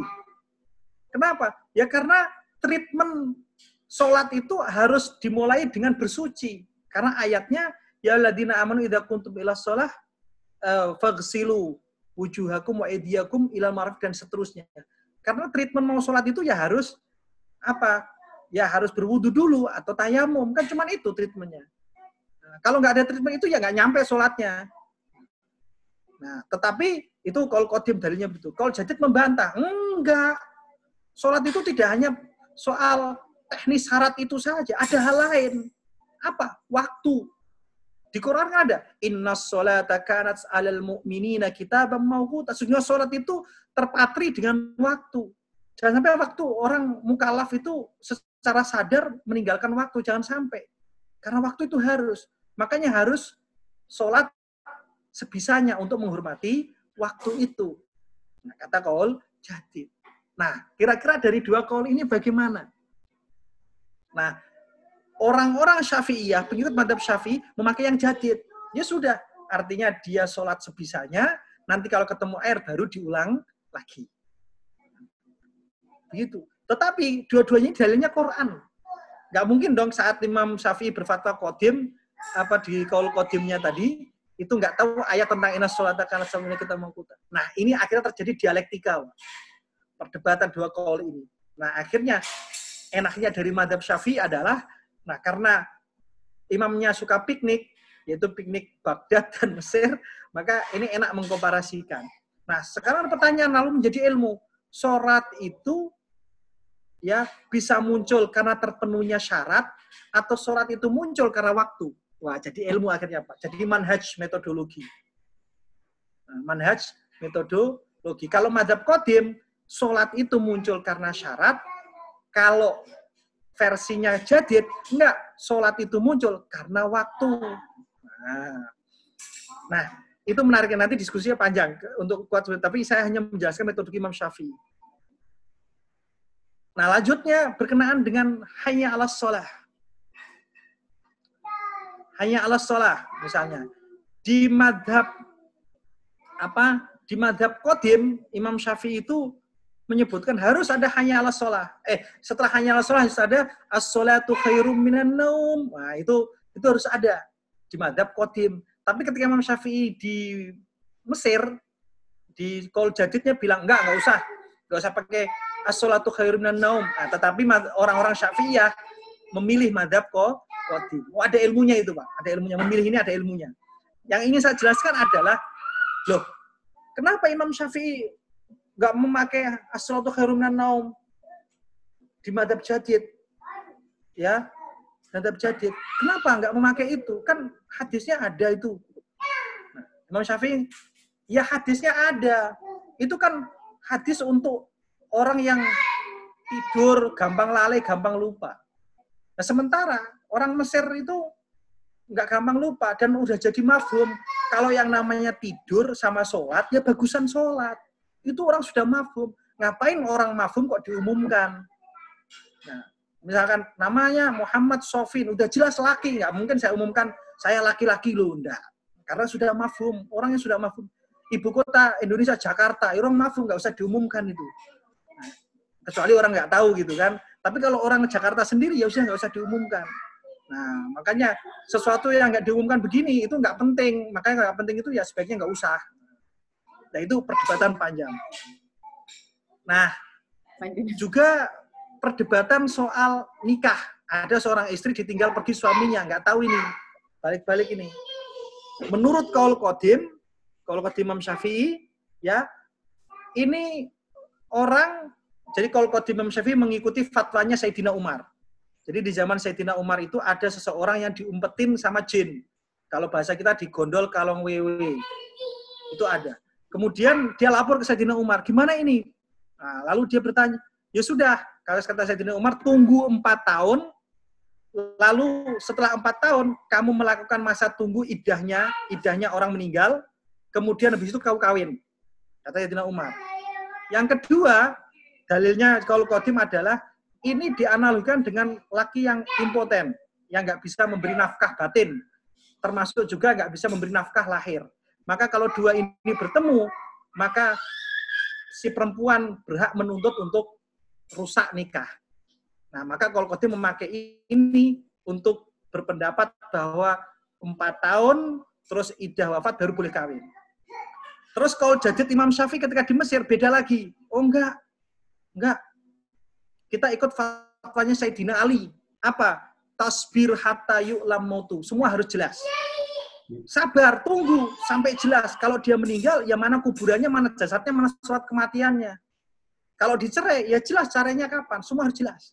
Baru boleh. Nah, selanjutnya bergerak. Nah, itu madhab kaul jadidnya Imam Syafi'i. Lalu berdebat. Lah kalau misalkan dikiaskan dengan impoten sama nggak memberi nafkah loh. Memberi nafkah itu jelas loh.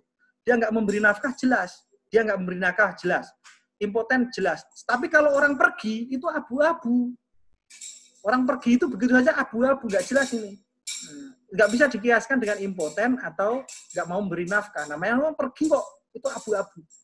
Nah, kemudian gimana orang-orang Syafi'iyah menyatakan, wah ini perdebatan panjang nih dari madhab Syafi'i. Kalau pakai kaul jadid, kasihan perempuannya. Karena nggak ada kejelasan. Perempuan itu suka coklat, suka kue ulang tahun, suka hadiah. Tetapi sesuka-sukanya itu semua, perempuan lebih suka kepastian. Nah, makanya kalau untuk kaul kodim memberi kepastian. Tapi kalau kaul jadid, suruh sabar gak punya kepastian. Kasihan perempuannya. Nah ini terjadi perdebatan di antara mazhab Syafi'i dan menjadi keluasan buat kita. Makanya disebut ikhtilafu ummati rahmah perbedaan ini menjadi keluasan kita berpikir. Kenapa bisa luas? Karena piknik. Nah, inilah yang kemudian menjadi pondasi yang namanya kedinamisan, dinamika daripada madhab syafi'i yang melahirkan banyak ilmu dan disukain. Dan cocok buat banyak negara. Nah, itu pertama, Imam Syafi'i punya kaul kodim dan kaul jadid. Nah, itu menariknya di madhab syafi'i itu. Kaul kodim kaul jadid. Yang selanjutnya, ya, uh, kalau Imam Syafi'i juga ada Syafi'i, ada Syafi'iyah. Jadi Syafi'iyah ini sangat leluasa beratraksi dalam segi keilmuan. Loh, banyak loh Syafi'iyah yang nggak setuju dengan Syafi'i. Misalnya apa? Imam Syafi'i itu berfatwa kirim kirim Fatihah, kirim bacaan Quran untuk mayat nggak nyampe. Tapi Syafi'iyah pengikutnya bilang nyampe. Nah, itu perdebatan. Lalu ada orang nafsiri, oh Syafi'i itu bilang nggak nyampe. Kenapa? Ya karena bacaan Quran itu hadisnya adalah pahalanya untuk dirinya sendiri, untuk yang baca. Gitu loh. Makanya bilang nggak nyampe. Karena di hadis bilang ya untuk pahala Quran ya untuk yang baca. gitu kan. Nah, terus kemudian ada yang bilang, oh Imam Syafi'i itu bilang nggak nyampe karena memang umumnya orang baca Quran ya pahalanya untuk yang baca Quran. Tetapi kalau dia berdoa, Allahumma ausil thawaba ma qara'nahu. Ya Allah, sampaikanlah pahala yang aku baca ini untuk si ahli mayit. Nah, itu baru nyampe karena berdoa untuk menyampaikan. Nah, inilah apa namanya keluasan antara Syafi'i Syafi'iyah. Nah, sangat TikToknya. Tapi Syafi'iyah begitu apakah hanya berbeda saja? Enggak. Dia berbeda dari sisi fatwa kaulnya, tetapi dia masih mengikuti manhaj metodologinya. Nah, namanya disebut sebagai manhajinya. Yang ketiga, di madhab syafi'i itu dikenal adanya intikal madhab. Boleh pindah madhab untuk kondisi tertentu, bukan untuk keseluruhan kondisi tertentu. Contohnya apa? Madhab syafi'i itu kalau apa bersentuhan kulit dengan perempuan, perempuan lain, itu membatalkan puasa. Eh, membatalkan wudhu. Membatalkan wudhu. Tetapi, untuk kasus misalnya orang sedang tawaf, tawaf itu wajib suci. Wajib suci. Nah, tawaf itu, itu kan sentuhan sama istrinya. Nah, dalam kondisi ini diperkenalkan intikal madhab. Ke madhab maliki. Karena madhab malik sentuhan itu enggak, enggak apa-apa, asal enggak ada syahwat. Tetapi intikal ini hanya untuk solusi kondisi darurat tertentu. Nah, itu namanya intikal madhab. Itu diperkenankan. Hanya untuk sebatas itu saja, seperlunya saja. Tetapi mereka punya metode melarang talfik. Talfik itu mencampur adukkan, dipilih yang ringan-ringan. Contoh misalnya, kalau madhab Malik, Imam Malik, itu anjing itu gak najis. Nah oke, okay. kalau soal anjing aku ikut Imam Malik. Kalau soal wudhu saya ikut Imam Syafi'i karena Imam Syafi'i cuman apa nyentuh apa rambut sedikit. Kalau Imam Malik kan harus basah semua. Jadi dipilih yang ringan-ringan. Ini yang talfik. Kenapa? Karena talfik ini nanti mem memain-mainkan agama. Mencari yang senang-senangnya saja, menuruti hawa nafsu. Nah, ini yang talfik dilarang. Tapi inti madhab boleh, tetapi dengan kadar kebutuhan tertentu. Dan yang terakhir, ada yang namanya ilmu namanya khilah. Khilah itu yang disebut rekayasa hukum. Rekayasa hukum, nah namanya hukum itu siapa yang bisa memainkan hukum? Ya ahli hukum. Siapa yang bisa memainkan fikih? Ya ahli fikih. Gitu. Nah itu ada namanya metode khilah. Khilah itu penting. Rekayasa hukum itu penting. Tetapi khilah bukan untuk ya membatilkan yang hak atau menghakkan yang batil. Bukan yang itu. Khelah itu solusi. Contoh misalnya begini. Di dalam madhab syafi'i itu dilarang menjual kotoran. Yang najis, anjing itu dilarang.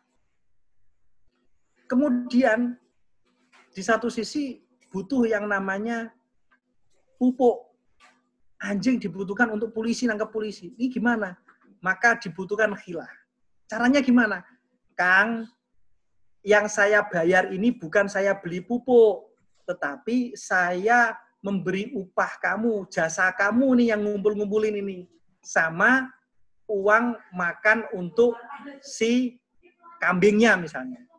Nah, jadi dibikin khilah begitu. Jadi dia tidak beli kotorannya, tapi beli Pak, saya nggak beli anjingmu yang najis.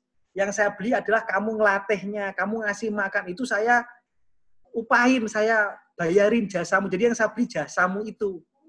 Nah, itu namanya khilah, Pak, rekayasa. Itu penting. Kayak orang jual air, tidak boleh orang jual air. Tidak boleh. Secara syarat ada hadis yang nggak boleh jual air. Karena air itu milik semuanya. Lalu gimana orang jual air? Nah, kita bikin khilah, rekayasa hukum. Saya nggak beli air, tapi saya beli yang transportasi dari sana ke sini untuk menjaga air ini, untuk plastiknya, untuk tenaganya. Nah, itu yang saya beli. Namanya he, hela. Tapi hela juga ada yang kurang ajar, kayak saya pesantren itu. Kang, habis ngaji, habis sholat, kok nongkrong itu? Nah, ntar kalau banyak kan lihat perempuan cantik, nah dosa. Terus dia bikin hela ya nanti diwuduin kan juga hilang, rontok dosanya. Wong cuma lihat doang. Nah, itu namanya kurang ajar itu, Pak. Itu Gusti Allah nyampe enggak? Atau helah yang nakal juga gini. Misalnya uh, sudah saatnya zakat nih. Duitnya udah zakat nih, udah sampai nih shop. Nah, supaya nggak nyampe nisab sebelumnya, itu dia buat beli apa? Biar nggak nyampe, biar nggak kena kewajiban zakat. Nah, itu yang kurang ajar. Kayak hukum yang kurang kurang ajar. Itu yang Gusti Allah nanti akan menghisapnya. Nah, hukum khilah ini penting untuk menjadi solusi. Dan di madhab syafi'i punya hukum khilah begini. Mas syafi'iyah, bukan bukan bukan Imam Syafi'i, tapi syafi'iyah. Khilah ini penting karena seperti Imam uh, Nabiul Ayub. Nabiul Ayub itu pernah sumpah. Karena ngerasa nggak diurusin sama istrinya.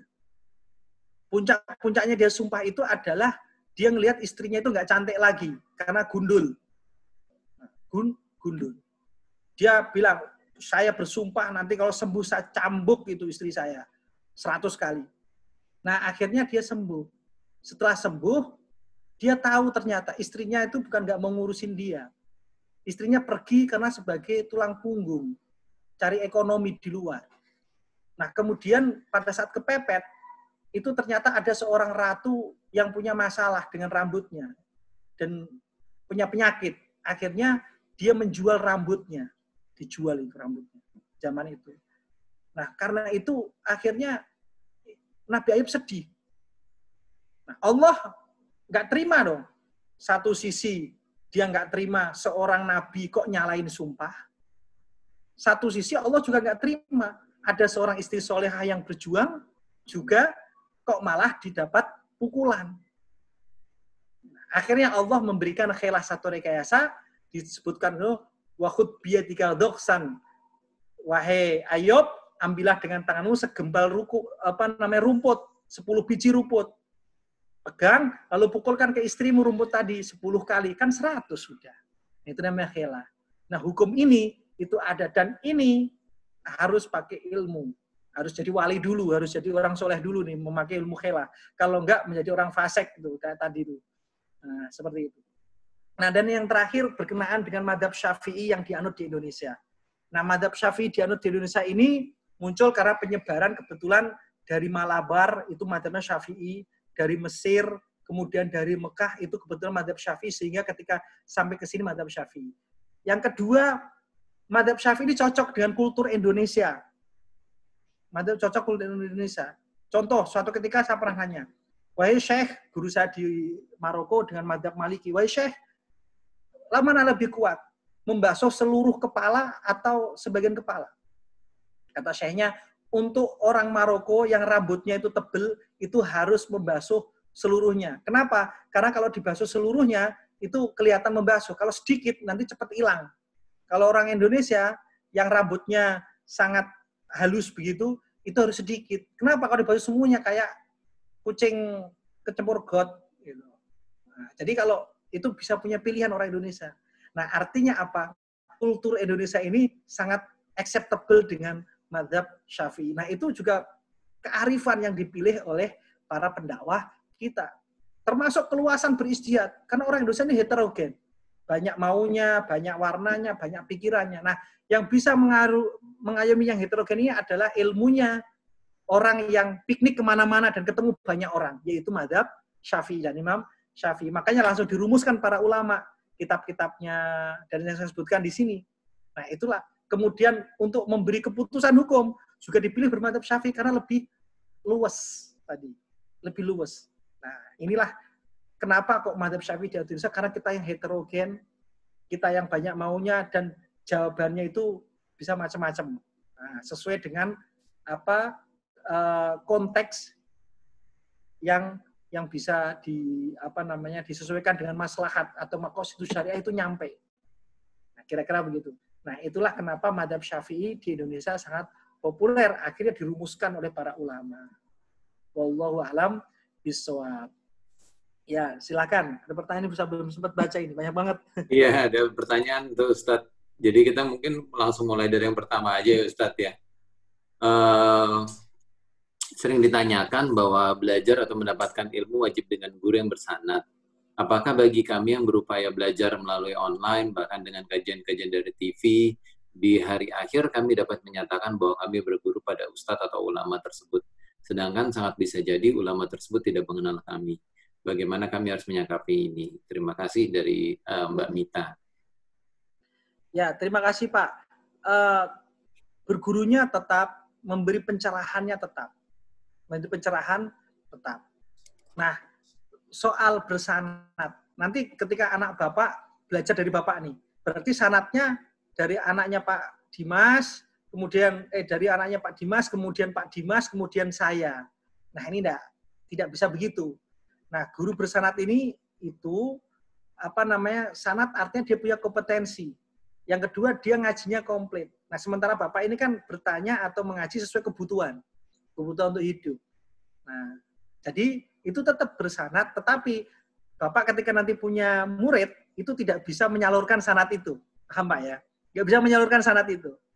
Nah, nggak bisa menyalurkan sanat itu. Jadi tetap berguru bersanat itu betul, tetapi sebagai transmisi kepada keilmuan berikutnya, nah itu tidak. Mungkin hanya sekedar nasihat atau pencerahan itu boleh.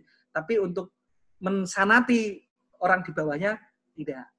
Nah, ya, siap, siap. Kira-kira begitu. Insya Allah. Kemudian lanjut ke pertanyaan kedua, Ustadz, uh, pertimbangan apa yang dipakai oleh Ustadz sebelum memutuskan untuk mendirikan pesantren bermazhab Syafi'i?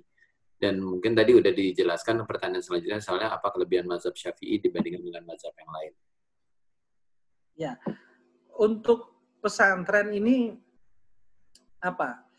Sebenarnya pesantren itu tidak langsung dikasih, oh saya mazhab Syafi'i, enggak karena Indonesia mayoritas Syafi'iyah, nanti orang ini ketika selesai dari pendidikan kan menjawab persoalan, Pak. Tentu persoalan yang harus dia mengerti.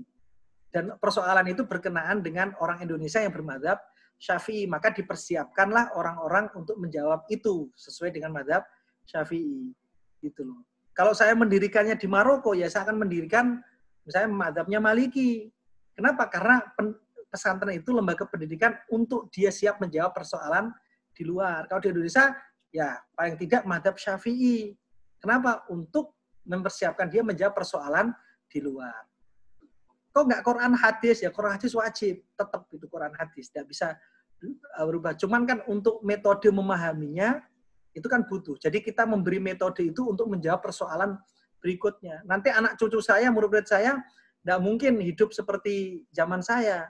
Makanya yang saya kasih adalah modal, yaitu metode, cara, bagaimana menggali, ya seperti itu. Siap, siap. Uh, insya Allah tadi. Kalau saya lanjutkan untuk pertanyaan berikutnya, Ustadz. Ya, uh, tadi dijelaskan oleh Ustadz ada dua sistem bermazhab, yaitu dengan mahnaji dan kauli. Ya. Kemudian Ustadz kemudian melanjutkan dengan mengikut bahwa saat ini untuk mengikuti mazhab syafi'i, harus dengan sistem manhaji jadi berpindah tadi kita uh, mungkin belum sempat dilanjutkan oleh Ustadz bagaimana uh, implementasinya terus kemudian apakah benar manhaj itu menjadi lebih penting daripada mazhab itu sendiri seperti contohnya yang populer saat ini adalah manhaj salafi terima kasih Ustadz ya terima kasih Pak nah uh, jadi madhab itu tadi saya bilang pikiran sudut pandang. Nah, garis terkecil, jadi madhab itu artinya uh, gelondongan umumnya, Pak, besarnya. Umurnya besarnya. Nah, di antara bagian madhab itu adalah ada manhaj. Nah, manhaj itu metode. Metode tentang apa? Tentang hukum fikih, tentang bergana itu manhaj. Nah, kemudian uh, kenapa harus metode manhaj? Karena zamannya beda. Indonesia sekarang beda. Sehingga uh, kita butuh metode ini untuk membahas problem-problem yang kekinian. Lalu bagaimana modelnya? Nah ini sedang dikembangkan, dikembangkan oleh teman-teman di pesantren, yaitu fikih manhaji, fikih yang metodologis. Nah, jadi kita mulai dari metodologis. Nah, itu sudah banyak buku-buku tentang fikih manhaji atau metodologis. Nah, seperti yang saya sebutkan tadi, yaitu pertama harus mempelajari usul fikih dulu. Nah, jadi manhaj yang saya maksud di sini adalah manhaj metode untuk mengambil hukum Islam. Yang kedua, manhaj yang populer, istilah yang populer di zaman sekarang, itu adalah manhaj yang semacam gerakan. Dia komunitas sosial. Dia metode yang entah kita tidak tahu pendirinya siapa, orangnya siapa. Dia sebut sebagai salafi. Salafi itu siapa maksud dia? orang terdahulu, orang terdahulu itu siapa banyak. Kalau misalnya orang yang hidup di abad-abad pertama, Imam Syafi'i hidup di abad pertama. Imam Abu Hanifah hidup di abad pertama. Nah, lalu konkretnya siapa? Nah ini yang saya sebut belum mencapai wala takfu salaka bi ilmun. Keilmuannya belum sampai. Karena ilmuwan itu harus empiris, harus jelas. Imam Syafi'i jelas, orangnya jelas, bukunya jelas, kitabnya jelas, muridnya jelas, susunya jelas. Kalau mengikuti manhaj salaf, salaf siapa? Nah ini yang nggak jelas. Nah ini abu-abu. Nah ini nggak sesuai dengan apa ayat wala takfu salaka bi ilmun. Nah kemudian manhaj yang dipahami mereka ini itu kegerakan untuk mengokohkan kesolidan di antara mereka saja. Itu yang keliru. Sementara manhaj yang saya maksud itu ada ilmu, ilmu syariat. Tidak membuat orang atau menjadi dikotomi tertentu, enggak. Tapi ini adalah manhaj berkenaan dengan ilmu. Bapak suka ikutin, tidak suka bisa beralih. Ibaratnya begitu, karena murni ilmu. Nah, itu yang yang harus pahami. Yang kedua, manhaj yang sebutkan ini dia sekedar permainan marketing apa apa supaya banyak komunitas ngikuti. Nah ini yang keliru. Nah oleh karena itu manhaj yang semacam ini tidak bisa kita samakan ini. Tidak bisa kita samakan. Oleh karena itu maka untuk manhaj semacam ini sebaiknya nggak usah lah. Namanya manhaj itu metode, metode harus berdasarkan ilmuwan, ilmu itu harus berdasarkan data empiris, data dokumen, varian berpikirnya jelas. Nah, sama seperti ilmu umum yang lain kan begitu juga sama yang disebut ilmu kan begitu. Kira-kira begitu, Pak.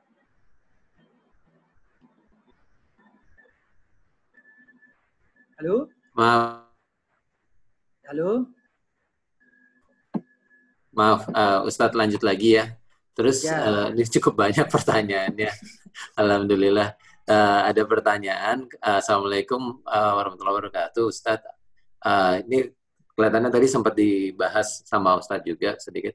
Apa yang dijadikan kriteria atau kualifikasi seseorang bisa dikatakan mujtahid pada zaman setelah Nabi. Kemudian dilanjutkan dengan pertanyaan dalam kondisi apa saja yang diharuskan para mujtahid melakukan ijtihad dan apakah faktor budaya dari suatu bangsa juga mempengaruhi dalam pengambilan keputusan. Ya, uh, soal klasifikasi mujtahid ini penting supaya tidak orang sembarangan. Sama dengan kita memilih dokter itu butuh kenapa? Butuh kualifikasi. Nah, kualifikasi di antaranya adalah uh, hafalan Qur'annya, hafalan hadisnya yang banyak, terus kemudian mengetahui ilmu Al-Quran, ilmu hadis yang saya sebutkan tadi di awal. Itu penting. Nah, kemudian apakah orang harus mengetahui tradisi atau sosiokultur? Ya harus. Karena Imam Al-Qurafi menyatakan istiad itu bisa berubah. Karena perubahan kultur, perubahan uh, masyarakat atau perubahan mad'u atau objek dakwah itu itu penting gitu. Rasulullah sendiri mengajarkan hal itu. Hal itu. Rasulullah mengajarkan hal itu yaitu untuk menerapkan sesuatu pada tempatnya. Nah, lalu untuk masa sekarang, misalnya khususnya, itu tentu berbeda dengan zaman dulu. Zaman dulu orang punya kualitas yang saya sebutkan tadi pada sosok Imam Syafi'i, Imam Buaiti, udah ada. Nah, orang sekarang nggak ada yang seperti itu. Maka dicanangkan yang namanya istihad jama'i. Yaitu istihad apa namanya gabungan. Nanti yang ahli usul fikih ditarik, ahli Quran ditarik, ahli hadis ditarik, ahli sosial apa sosialnya ditarik. Oh berkenaan dengan vaksin ini, Oke, ahli vaksin ditarik. Oh, berkenan dengan pandemi ini, ahli epidemiologi ditarik. Nah, dikumpulkan, nanti disebut istihad jama'i. Untuk kategori yang berkenaan dengan kemaslahatan orang banyak. Tetapi kalau untuk kategori yang kecil-kecil, misalnya tentang popo yang tadi itu, ya kita lah, insya Allah bisa. Paling nanya Ustadz, kemudian jawab, serak, oke, okay, nggak serak, ya sudah. gitu. Ya level-level itu saja. Tapi kalau berpengaruh masalah besar, harus mereka punya kriteria-kriteria tadi. Kira-kira begitu. Jadi isinya ya tadi Pak apa paham kapasitas Pak. Paham kapasitas itu. Ya. Insya Allah. Uh, ini ada pertanyaan terakhir dari jemaah. Uh, yang terakhir tadi berkenaan dengan sholat dan popok. Uh, yang terkait dengan istirahat untuk orang awam. Sejauh mana kita sebagai orang awam boleh memutuskan atau memilih suatu ketentuan sendiri? Ya, uh, untuk masalah yang partikular kecil yang kita alami, Pak. Yang kita alami. Nah, yang yang tidak ada dampak atau merugikan. Jadi ukurannya itu ini ngerugiin siapa sih gitu. Misal kayak Popo kayak tadi itu kan paling banter ya saya dengan anak saya dan nggak ngerugiin orang, Pak. Nah, itu biasanya istihad. Nanti sekala-kala kalau ketemu ustadz ya baru nanya kan gitu Pak. Kira-kira seperti itu. Jadi kalau istiadat ini berkenaan dengan masyarakat yang luas, masyarakat ini, nah kita serahkan pada ahlinya. Kita tidak ada istiadat, kita sadar kapasitas. Sama kayak ilmu penyakit kedokteran aduh perut saya mulus nih, ah tak krokin cukup deh, istiadat pakai krokan. Wah jangan-jangan mah, oke beli pil saja, proma cukup. Itu istiadat sekarang itu. Tapi kalau nanti berpengaruh, wah ini kok lebih dari empat hari, lima hari ya jangan beristiadat, datang ke dokter pak. Nah ibarat gitu. Nah itu ukuran itu kita secara aksioma saya bisa ngukur pak. Bisa yeah. ngukur. Ya, kira-kira seperti itu batasannya. Terus kemudian mungkin pertanyaan dari kami itu kan kemarin kita sudah mempelajari ada beberapa uh, mazhab Hanafi, kalau dibandingkan dengan mazhab Hanafi kan tadi ada bicara masalah keluasan dalam mengambil uh, hukum ya Ustaz ya. Itu perbedaan utamanya di mana Ustaz? Ya, yang yang pertama uh, kerasa presentasinya madhab syafi'i jadi madhab syafi'i saja Mestinya yeah. begitu. Nah nanti kalau temanya berubah menjadi perbandingan madhab, nanti cerita beda lagi Pak. Tapi nggak apa-apa saya jawab ini. Nah, kalau madhab Hanafi itu hidup di Kufah, di Baghdad. Beliau itu sangat jauh dari pusat hadis, yaitu Madinah dan Makkah. Makanya beliau sangat berhati-hati untuk memegang hadis. Maksudnya tidak gampang ini hadis dia percaya, ini hadis ini tidak. Hati-hati. Karena saking hatinya, Imam Abu Hanifah ini sangat ketat. Hadis itu minimal masyhur. Kalau kurang dari masyhur, dia ada kriteria banyak hal. Oleh karena itu, uh, apa namanya, logika atau rohyunya lebih dominan. Lebih dominan. Yang kedua, sosiokultur Baghdad itu dekat dengan Persia, Iran zaman dulu Persia. Sehingga logika-logika Helenisme apa logika yang yang Zarathustra itu itu lebih dekat sehingga untuk menjawab seperti itu uh, lebih cocok kepada logikanya. Beda dengan Imam Syafi'i. Imam Syafi'i hidup di banyak kutub tadi. Yeah. Sehingga apa namanya uh, untuk masyarakat kita yang heterogen kayak kita Indonesia, kayak saya, saya lebih serp Imam Syafi'i, Pak karena banyak menjawab itu. Yang kedua, apa namanya Imam Syafi'i punya metode intikal madhab. Nanti kalau dalam kondisi sakit pepet banner, nggak bisa ngapa-ngapain, wah bisa pindah. Yeah. Itu kan enak. Nah, kira-kira hal semacam inilah yang menjadi uh, kenapa saya milih madhab Syafi'i. Nah, berhubung karena saya presentasi madhab Syafi'i ya, saya kuatkan madhab Syafi'i. Nanti kalau presentasinya madhab Hanafi cerita lain lagi. Kayak orang jualan ya Pak. Iya, yeah, iya. Yeah. Terus kemudian mungkin yang terakhir Ustadz, kalau untuk tadi uh, call kodim sama call jadid, maka dalam uh, kehidupan sehari-hari saat ini ada perbedaan dalam penerapannya uh, atau ada apa uh, tingkatannya atau bagaimana? Kalau pada penerapannya Syafi'iyah mayoritas mengambil call jadid, mayoritas. Umumnya, umumnya call-call yang terpilih ada call jadid, mayoritas. Sama kayak ilmu nasah mansuh. Nasah mansuh itu kan yang lama digantikan di amandemen yang baru. Maka yang dimenangkan adalah yang baru. Kayak hukum kita kan, kalau ada hukum amandemen itu maksudnya kan hukum yang lama ditiadakan, ada hukum yang baru, maka hukum perubahan itu yang dipakai. Nah, mayoritas jadi. Walaupun demikian, kol kodim menjadi khasanah ilmu. Karena menjadi khasanah ilmu, itu suatu saat dalam kondisi tertentu bisa jadi solusi, Pak. Bisa jadi solusi. Kadang yang lama itu bisa jadi solusi, suatu saat. Oleh karena itu, itu menjadi khasanah keilmuan debat. Contoh lagi misalnya, diskusi soal bagaimana orang tidak punya uh, apa namanya tidak ketemu air atau debu. Itu nggak pernah orang kepikir. Nah, di salah satu madhab syafi'i ada beristihad. Ada alat suci selain air dan debu. Apa? Api katanya. Loh, kok api? Iya, karena secara teori, secara ilmu, ya secara ilmu orang mukmin masuk neraka itu adalah dalam rangka penyucian supaya masuk surga. Maka api itu adalah satu alat suci secara teori ilmu, tetapi secara praktik tidak. Kenapa bisa begitu? Inilah perkembangan ilmu, Pak. Perkembangan ilmu. siapa yang memantik diskusi ini? Imam Syafi'i yang seperti contoh saya sebutkan tadi.